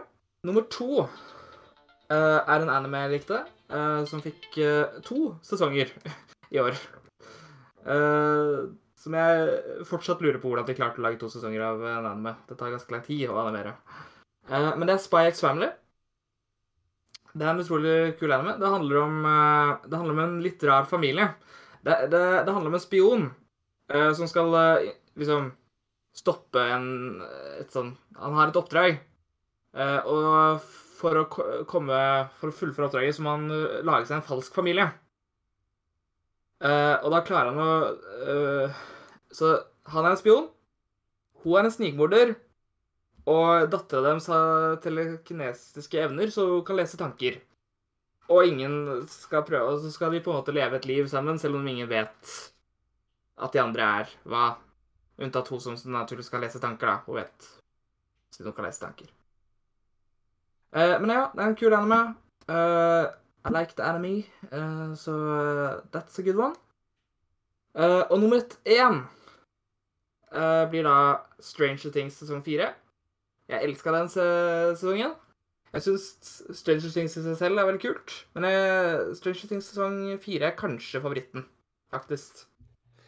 Bare så sykt synd at vi må vente kanskje to år på neste sesong. Og vi ventet Ja. så lenge på sesong fire. Ja, men eh, jeg overlever. Eh, jeg er så spent på Jeg er så spent på sesong fem. Det skal jo bli den siste. Og de har jo hinta litt til slutt av sesong fire hva kanskje den skal gå på, ut på. Så jeg gleder meg. Men ja, det var min liste. Okidoki. Uh, jeg ble bare ringt opp av huseieren her. Så det ble i- eh, Jeg ble bare ringt opp av huseieren her i stad om at eh, han skulle fikse sluket i vasken eller noe. deilig. Skikkelig Eh, god da var det Ja, absolutt. på på sånt søndagskveld. Det er fint. Mm. Eh, da ble det tre animes og én uh, Det er faktisk bare to. Eh, det er to live action og to anime. Mm. OK. Hva var den andre live actionen? Alice in the Borderland. Jeg bare fant ut at det fins en animersversjon, men uh, OK. det, var derfor jeg ble litt forvirra. Ja. Nei, men uh, den hadde jeg ikke hørt om, men Stranger Things har jeg hørt om. da. I aller høyeste grad. Yes, yes, yes. Da kan jeg gå over på uh, siste del av min liste. det er greit. Yes. Og da kickstarter jeg den andre delen med da min tiendeplass, som da er Snøfall. Som vi endelig fikk og sett. Oi, oi. Mm. Det, det må jeg kommentere, for at uh, Mathias sendte meg en melding uh, i desember om han skulle droppe bomba.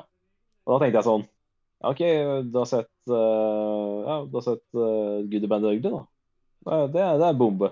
Og så bare sånn Nei, jeg har sett Snøfall. Så bare sånn OK. Det er ikke akkurat å bombe at en person som er så glad i julekalendere, endelig får i fingeren og ser Snøfall.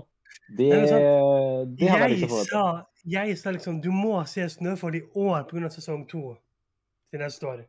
Ja, så, sa, liksom, så sa du at ja, sånn, du, du kan se snø, eh, Hvis du ser Snøfall, så ser jeg ser liksom Christmas Chronicles og bare eh, Da var mitt svar at det er litt forskjell i tid. Det ene tar tolv timer å se gjennom, og det andre tar en og en halv time. Altså, du er like glad i julekalender som jeg og Simen. Og det er det som å banne i kirka at du ikke har sett Snøfall. Da blir det nesten på deg når det kommer til Christmas Chronicles òg. Når du er så glad i Ja, film og jul og julefilm. Men jeg, jeg ble så jævla sur, for at han begynte å tease meg. Bare sånn der, Skal jeg slippe bomba? Så bare sånn, ja, fuckings, jeg skal, jeg skal legge meg! Jeg ligger på senga! Du kan ikke, ikke vente fem minutter på å skrive neste setning, da. Har du sett en film eller serie som jeg, du, vil at, du vil fortelle om, så skriv det ut, da. Din jævla nisse. Jeg ble så jævla irritert. for at eh, du, det er noe med, Hvis du ligger med mobilen i, i hånda, og du er, det er sengetid, så er det sånn, du vil jo bare få det ut. Bare sånn, Ikke, ikke tease meg, den jævla nisse. Jeg synes Så, det var men Ja. heldigvis fikk han det til slutt.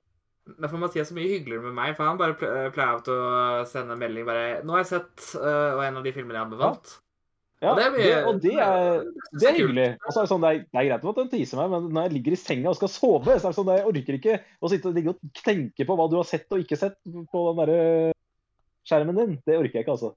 Så, men heldigvis så klarte han å skrive det med en gang, da. Så, Ja, jeg men jeg ble litt sånn skuffa, for det var, Jeg, jeg, følte ikke- jeg følte ikke det var- jeg, jeg, forventa at eh, bombe skulle være litt større enn en Snøfall. Jeg har noen blitt teasa av Robin og fått svar et, et, nesten et døgn etterpå. Det er irriterende. Men, så det er ekstra irriterende når man ligger i senga og skal sove. Ja. Altså det, det er nesten ut så der, eh, Det bør si litt om mitt eh, serieår når liksom denne her eh, kommer på niendeplass. Generelt, men tiendeplass bør jo være veldig Snøfall skal være veldig fornøyd med en tiendeplass her òg, av at ting har be- betydd veldig mye for meg, det jeg har sett. Generelt. Men niendeplass er da rett og slett Julestorm. Ja, du er den på niendeplass, ja. Ja. Og det er en kjempebra serie og alt sånt. Jeg storkoste meg med han. Men det var så vanskelig å sette han opp mot alt annet i tillegg, liksom, så det var sånn ah! Mhm. Det Ja. Ja. Ja. Hva skal man si? Men ehm, Ja, jeg eh, Det, det der eh, Med en gang jeg hørte at det skulle være greier som skjedde på flyplasser, så Å, spennende. Det virker jo interessant. OK. Mens min eh, åttendeplass er rett og slett jeg snakka om Miracle Workers i stad og at det er som var- Kyrre Hellum. likte det- Kyrre Hellum som karakter i, i, i Julestorm. Og det som var på en måte eh, Det som på Miracle Workers ble på en måte en litt sånn smooth overgang for meg etter jeg hadde tatt og sett en annen serie som hadde gjort veldig mye inntrykk for, på meg, og det var The Good Place. Det er en dritbra serie som jeg liksom Jeg ble interessert allerede liksom de første minuttene. Og det liksom Serien bør liksom fange deg relativt fort, på en måte, for at du skal orke liksom den inn der.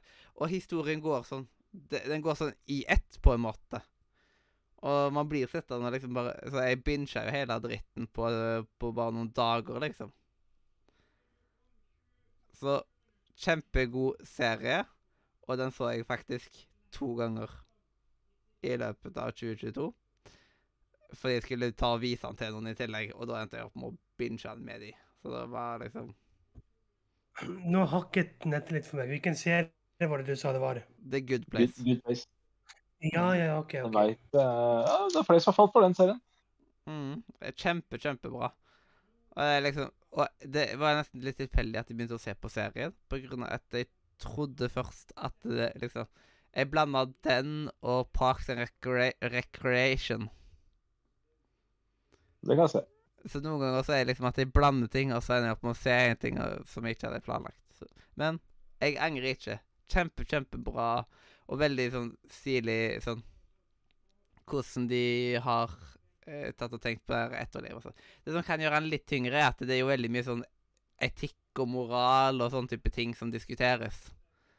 Men samtidig, det er så sant. Det går ikke an å være 100% etisk i dag, i dagens samfunn, av at eh, verden er blitt så korrupt.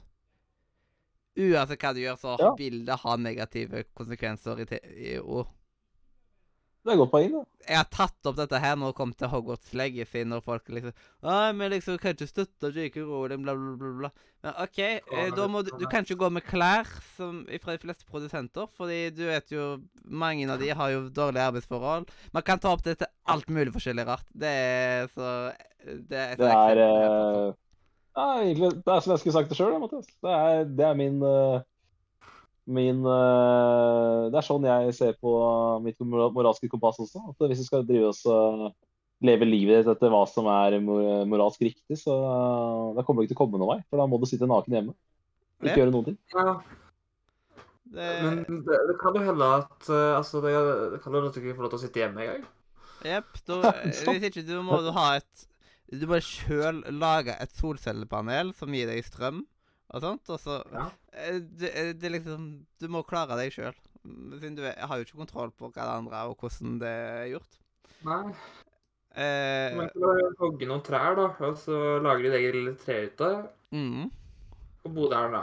Og en annen Nei. serie som jeg har kost meg med i, i 2022, er, en, er jo en serie med Man ser rett og slett eh, Atle Antonsen som eh, konge, nemlig 'Kjære landsmenn'.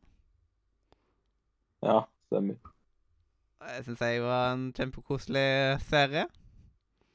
Og eh, jeg Det er liksom se, Sem-prosjekt liksom, Man får litt mer innblikk i hva det egentlig kan innebære i å være kongelig. Ting som man kanskje ikke tenker over at de må tenke over. Det er veldig mye bra satire der, da. Mm. Så det eh, Jeg lik- likte veldig godt denne sesong én, der når det kommer fram at uh, kongen ikke får lov til å gå ut, gå ut utad lenger og si at uh, hans livrett er pølser. Det likte jeg veldig godt. Ja. Eh, og så eh, sjetteplassen min er Aldri voksen. Kjempebra serie. Den kommer vel ikke flere episoder av i det hele tatt, tror jeg. Jeg tror ikke det kommer en ny sesong, dessverre. Og det er veldig trist, fordi den er kjempebra òg. Jeg har storkost meg med den. Det er liksom Den er lørdagsgodt, den serien der. Og apropos lørdagsgodt, eh, så noen som ikke får så mye av det, det er jo Sigurd, siden Sigurd får ikke pult. Eh, min femteplass. Det, det er liksom Jeg veldig jeg liker veldig godt karakterene i serien og liksom eh, Den er liksom veldig sånn lett etende eh, serie. Eneste som er liksom Han der eh, Han Steinar, han Han ser veldig slaskete ut, liksom. Sånn der Sånn uh, fjortisskjegg. Det er så stygt. Det er så stygt! Eh, øh. Men eh, eh, til tider så er det spennende og ja. En god serie. Og fjerdeplassen er Familien Lykke. Den så jeg for første gang i 2022. Og jeg tok og bare Jeg fikk plutselig en dag lyst til å se på han for ikke så lenge siden. Det var akkurat den dagen nettet skulle bestemme seg for å gå, å gå ned. Så endte jeg opp med å se på Men jeg hadde bestemt meg at jeg skulle se på Familien Lykke. Og da, så da endte jeg opp med å se på Familien Lykke på mobildata før jeg la meg, fordi jeg hadde gjort meg klar til å se på. Det er sånn jeg er. På tredjeplass så har jeg Det kunne vært verre. En eh, fantastisk eh, serie fra Espen Eckbo. Eh, og skulle gjerne vært enda Det flere kunne vært verre. Så du også, så du også den i 2022? Ja. Såpass. Mm. Og på andreplass så det, det, det Sånn på en måte så kan det være litt kontroversielt å ha han på topplista ut ifra sjanger og sånt, men det er liksom Det var bare så spennende og bra og sånt. Min andreplass er Forræder, på grunn av at eh, Ja, fytti grisen, dette her er det Dette var en type reality vi trengte i Norge. Det, det var kjempebra. Det var overraskende bra. Det var en sånn derre alle på jobb Det var en serie alle på jobben kunne snakke om. Og det er ikke mange eh, sånt som eh, vi, går, vi varierer i alder ifra 18 til 60, liksom. Og alle kunne snakke om den samme serien. Det er første gang jeg har sett noen grunn til å ha TV2 Play. Ja. Mm. Og jeg, jeg kom... Ja, det er lenge siden uh, Norge har kommet med noe reality som uh, de føler at alle ser på, og har blitt en virkelig snakkis igjen. Og ja, det forrige de fikk til noe der. jeg kommer nok ikke til å ha liksom, det det flere sesonger av det på topplista i framtida. Her, men her fortjente en skikkelig pallplassering når det var liksom for første gang i Norge. Ja, for så vidt enig i det. Og så Eh, det som, nei, jeg bare skulle si at ehm, det er, Jeg føler det er lenge siden at uh, en reality-serie i Norge har vært uh, en skikkelig snakkis. da. Og det var veldig kult å se hvordan Forræder eh, tok, eh, tok Norge med storm eh, høsten 2022. Ja. En fantastisk serie. Jeg gleder meg til sesong to. Og på Ja, det første blir spennende å se casten. Casten kommer vel eh, i mars, så det blir spennende å se. Det er vi spente på. Ja, det gleder jeg meg vilt til. Og da, det kan jo godt være at det er enda, en enda bedre, bedre cast òg, liksom. For en del. Ja, absolutt. På toppen Men uh, jeg, jeg føler at uh, ja, det blir gøy uansett. Det, det lærte jeg på forrige sesong igjen, at uh, det, dette blir gøy. Det, altså, konseptet er så morsomt, så castingen casting er ikke så viktig. like, jeg håper de er like flinke på å liksom ha fordi første sesong hadde de veldig jevn Altså veldig stor forskjell på aldre.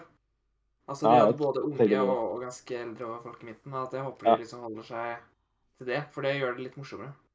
Ja, Absolutt. de prøver nok å Jeg vil trippe at de tenker mye på det, siden de vil på en måte komme fram til alle generasjonene. Og da har man YouTube-generasjonen gjennom Jonas Lihaug og Randulle og eh, Jeg håper de, jeg håper de kjører det jeg håper de, jeg håper de kjører det som en fast tradisjon å dytte med én forfatter. Det, det syns jeg er gøy.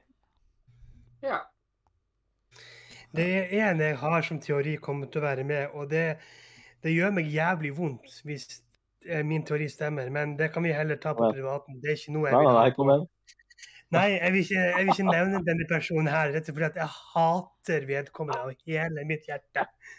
Jeg vil ikke ha det ut. Jeg, Eh, jeg har ingen norske ledelser som jeg hater av hele mitt hjerte, så alle, alle er eh, invitert inn til Forræder sesong to. hos meg.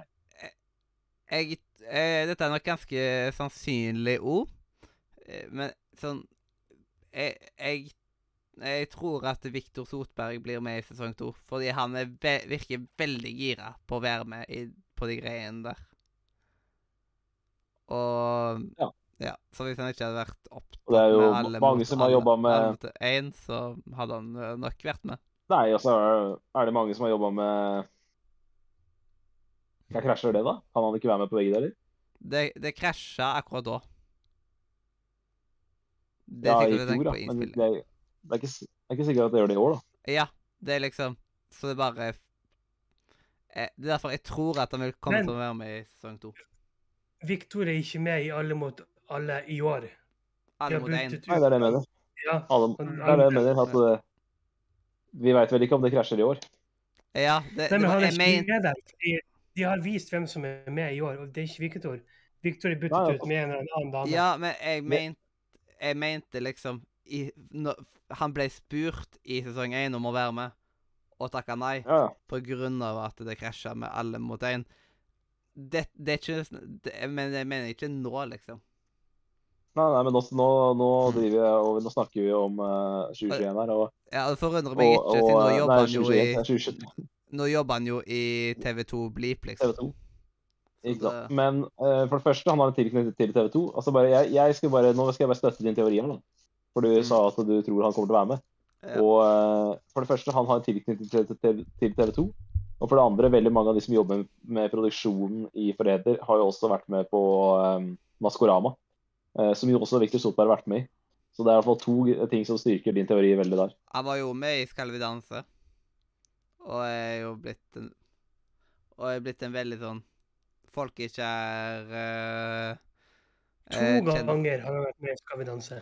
Så da er det jo veldig aktuelt. Han er høyaktuell å ha med. Mm. Og han eh, Og det er jo spesielt til den yngre generasjonen, så er han jo veldig sånn aktuell, en aktuell kandidat. Og så håper jeg jo på typisk sånn Dennis Vareide Noen av Among us-folka, liksom. Siden man trenger liksom de. Bare jeg slipper Djengis, så er jeg fornøyd. Hmm? Vi, vi trenger Tix. Tix må Ja. være med. Ja, men uh, han har så mye penger at det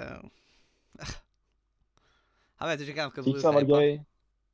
Men det hadde vært dritgøy å ha Tix med.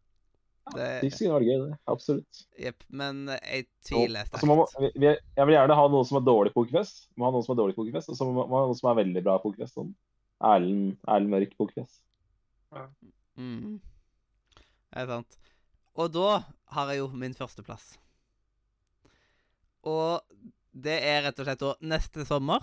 Siden jeg så jeg fra A til Å to ganger i 2022. To ganger. Herregud. Ser du nå? Så neste er- sommer to ganger i 2022. Ja. Hvordan har du tid til det? Det var liksom, Siden jeg så jo neste sommer helt, helt på starten av 2022, og så starta jeg på den på nytt når jeg venta på den nye sesongen. Det er verst hørt. Så derfor eat sleep neste sommer. Mm. Imponerende, å imponerende å få tid til både 20 TV-serier og, og, og neste sommer to ganger. Ja. Og 55 filmer. Pluss anniversary til Harry Potter. Det Det var mye, ja. Men uh, hvis man har noen sånne sp veldig spiselige serier, så blir det fort det. Men eh, da, vet du Da er jeg ferdig med min liste. Og da er vel bare resten av din igjen, Simen? Ja. Eh, har noen av dere sett eh, Kongen av Gulset på NRK? Ja, jeg har sett den. Jeg husker ikke om det var 2021 eller 2022.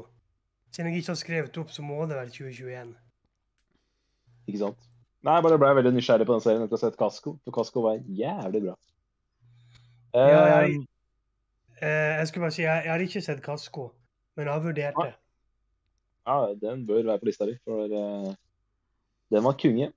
Kunge i baren. Eh, ja, jeg bare, bare presiserer at min liste er litt uferdig. Uh, kan hende jeg gjør noen små endringer her i etterkant. Sånn blir det når det er eh, såpass mange ting som skal rangeres.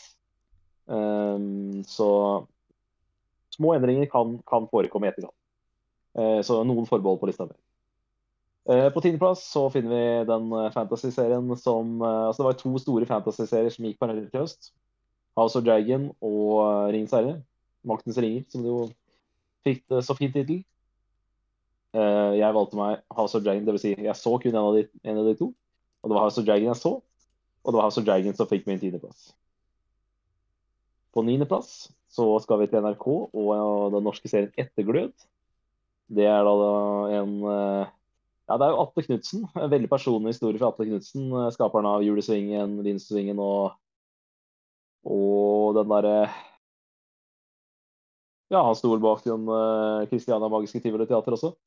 Um, det er hans veldig personlige historie om kreft. Og rett og slett en litt sånn feelgood-serie om kreft. da. Så Etterglød på niendeplass. Og så åttendeplass, en serie jeg holdt på å glemme her. Det var jo den TV-serien som jeg egentlig gleda meg aller mest til denne høsten. Nemlig um, Josef Vent heter? Josef Volde Mariam. Ja. Josef Volde Mariam sin uh, TV-serie Flus. Satt uh, i uh, Oslo i 99. Så det var nok en serie som tar oss tilbake til 90-tallet. Og ja, inspirert av uh, hans oppvekst uh, i Oslo, og uh, hadde jo da Herman Flesvig i en meget minneverdig rolle. Men det var veldig mange artige biroller i denne serien her, og Flus var Ja, den var veldig kul. Jeg vet ikke helt om den levde opp til mine forventninger, men veldig nære. Den var, den var veldig, veldig kul. Også på sjuendeplass så skal vi til en Disney Pluss-serie. Det er jo flott at Disney Pluss ikke bare har Disney-serier, men også gir oss litt serier som, eh, som eh, ja, som på en måte mm, gir oss noen serier. Så er det ikke Star som er sånn derre Som ofte står når man starter serier. Um, uansett, uh, Disney Plus-serien The Dropout uh, kom i våres. Og det var, serie, det var, en historie som ikke jeg egentlig kjente til, også en sann historie. Uh, det handler om ei dame som er gründer, og som starter et firma basert på at du uh, skal uh, skal teste eller hva heter det, ta sånn blodprøve, uh, og så bare ved hjelp av en bitte liten milli et lite, nano, nanogram med blod, så skal du da få opplyst alle, alle sykdommer du har og alt mulig sånt. Altså, en, en dråpe blod skal løse mulig, alle mulige problemer. da. det firmaet var selvfølgelig bare en scam, det var bare tull og tøys prototypen virka ikke, og hun endte opp med å bli en av uh, våre, en, en, av verdens mest kjente svindlere egentlig de siste 20 årene. Uh, en helt uh, helt syk historie som jeg ikke hadde trodd på hvis jeg ikke hadde sett den serien der. Uh, som uh, Snakk om liksom, hvis det er for godt til å være sant, på en måte. Ja, altså når du hører den ideen, så høres det ut som kødd. Men uh, det går an å bli milliardær, milliardær på på Hva heter det? På ja, ideer, som, ideer som er for, godt, for gode til å være sanne. Det er, det er, mye du kan tjene penger på hvis du spiller kortene, kortene dine riktig. Og det gjorde mm. hun, da. Um, så det blir spennende å se hva slags fengselsstraff hun får. Hun er vel, uh, hun er vel der at hun venter på å få en fellende dom. Ehm, så jeg tror, hun er fri, jeg tror hun er fri person i dag, men eh, venter, venter på å sone en god del året bak muren nå. Uh, og så skal vi til uh, en virkelig positiv overraskelse for meg fra um, 2022. Nemlig Viaplay-serien Nede.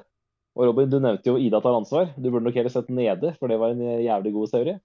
Uh, svart humor, dramakomedie om ei dame okay. som Ai, hjelpet meg. For en timing. For en timing. Der uh, ble han kutta av litt. Det, det passer dårlig. Lyder her på Discord. Er det folk som dropper inn, dropper ut? Det var du. Det var jeg, ja. Det er som regel meg. Det er, som, er noe problem på Discord? Det er som regel meg. Det er rart, det. Mm. Uh, vi går videre. Nede. Varm omfaling. Norsk serie på Viaplay. Og miniserie da, så veldig lett å binche seg gjennom på et par kvelder. Så skal vi til femteplassen. Da skal vi til eh, LA og uh, den hardbarka LA-filmen uh, Bosch. Det er spesifikt Bosch sesong 2 som er på min femteplass. Eh, liker du krim satt i LA, da er Bosch en anbefaling. Eh, så er det fjerdeplass. Da skal vi til nok en Disney Pluss-serie. I hvert fall en serie som jeg så på Disney Pluss. Det er TV-serien Pam and Tommy. Og eh, det handler om den berømte sextapen mellom Pam Pamela Anderson og Tommy Lee. Og eh, det er også en sånn historie som er bare så jævlig rar. For det måten den Altså, dette er jo på en tid der um, det, var ikke, det var ikke så veldig lett å spre sexvideoer på den eh, tiden her. I dag så kan man hvem som helst bare laste opp på internett, så, så blir det spredt. Men den tiden her så var det jo det var litt annerledes. Det var litt andre tider. Eh, dessverre for Pam og Tommy da, så hadde jo internett sånn det, Dette skjedde vel i 95. Og da hadde jo internett akkurat kommet. Og det var liksom sånn eh, de, de, var på en måte ja, det første paret til å spre eh, en eh, meget privat video på internett. Så gratulerer med det. Eh, men eh, men De var gründere. det var Det kan du godt si. Men det var bare sånn det, så, Dette er også sånt, et, litt sånn kjærlighet til 90-tallet. den serien her, er litt sånn hvor, hvor annerledes verden var på 90-tallet. Det er ganske morsomt å se. Og så lærte jeg veldig mye om, eh, om de to. Eh, Jeg fikk, eh, fikk litt nytt syn på begge to egentlig, gjennom å se denne serien. Og så er serien uh, Seth Rogen spiller en av hovedrollene, og Seth Rogen er komiker. Så, så den serien var også mye mer morsom enn jeg hadde trodd den skulle være. Så en liten sånn, uh, sånn, litt sånn underrated perle fra 2022. Pam and Tommy. Og da er vi på pallen. Og ehm, på tredjeplass så nå er det del Viaplay her i år. For på tredjeplass er også en Viaplay-serie. Da er det den beste norske serien fra de siste åra, nemlig Pernie. Som ikke kommer bare én sesong, men hele to sesonger i eh, 22. Så både sesong to og tre av Pernie får min tredjeplass. Eh, på andreplass så fikk jeg endelig sett eh, Apple Pluss-serien. Eller Apple TV Pluss, som det vel heter. Morning Show. Der er Steve Carell, Jennifer Aniston og Reece Witherspoon spiller uh, sånne nyhets... Uh, eller hva heter det? Sånn morning show-ankere. Programleder i morning show. Og hadde hørt masse masse bra om den serien her, og det stemte for så vidt ganske bra. Uh, det var en eh, meget eh, bra TV-serie, det der. Altså. Og den festa seg så mye at jeg eh, valgte Til tross for at dette var den første serien jeg så i 2022, så ender den på min andreplass. Og eh, sesong tre er underveis, så det blir spennende å se den serien videre. Jeg er ikke med, jeg er klar for, klar for mer.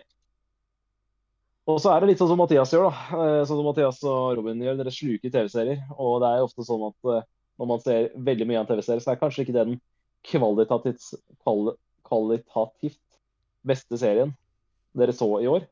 Men uh, gjennom å se så mye på en serie, så blir man kanskje mest glad i den serien. Og sånn er det med min førsteplass i år.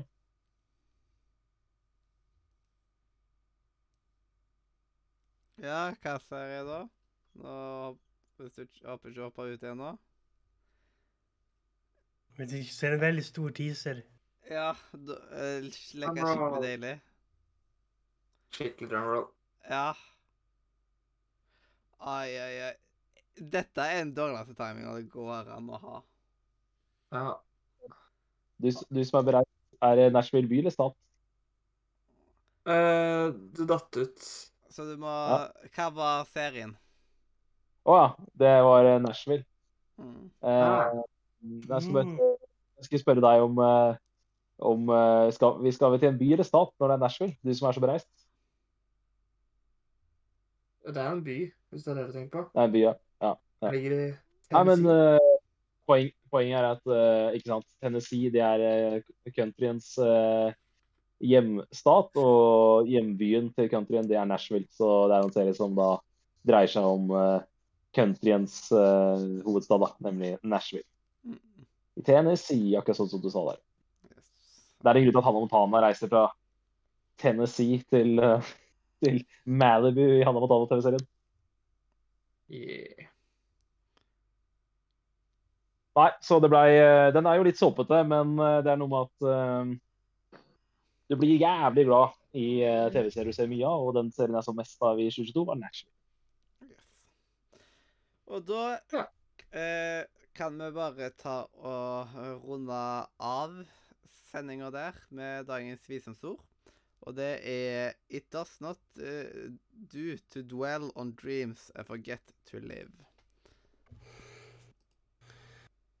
Det var da dagens visdomsord. Og da er det bare til å si hjertelig Farvel fra Radio Nordre Nei, faen, jeg skulle ikke si ja. Media.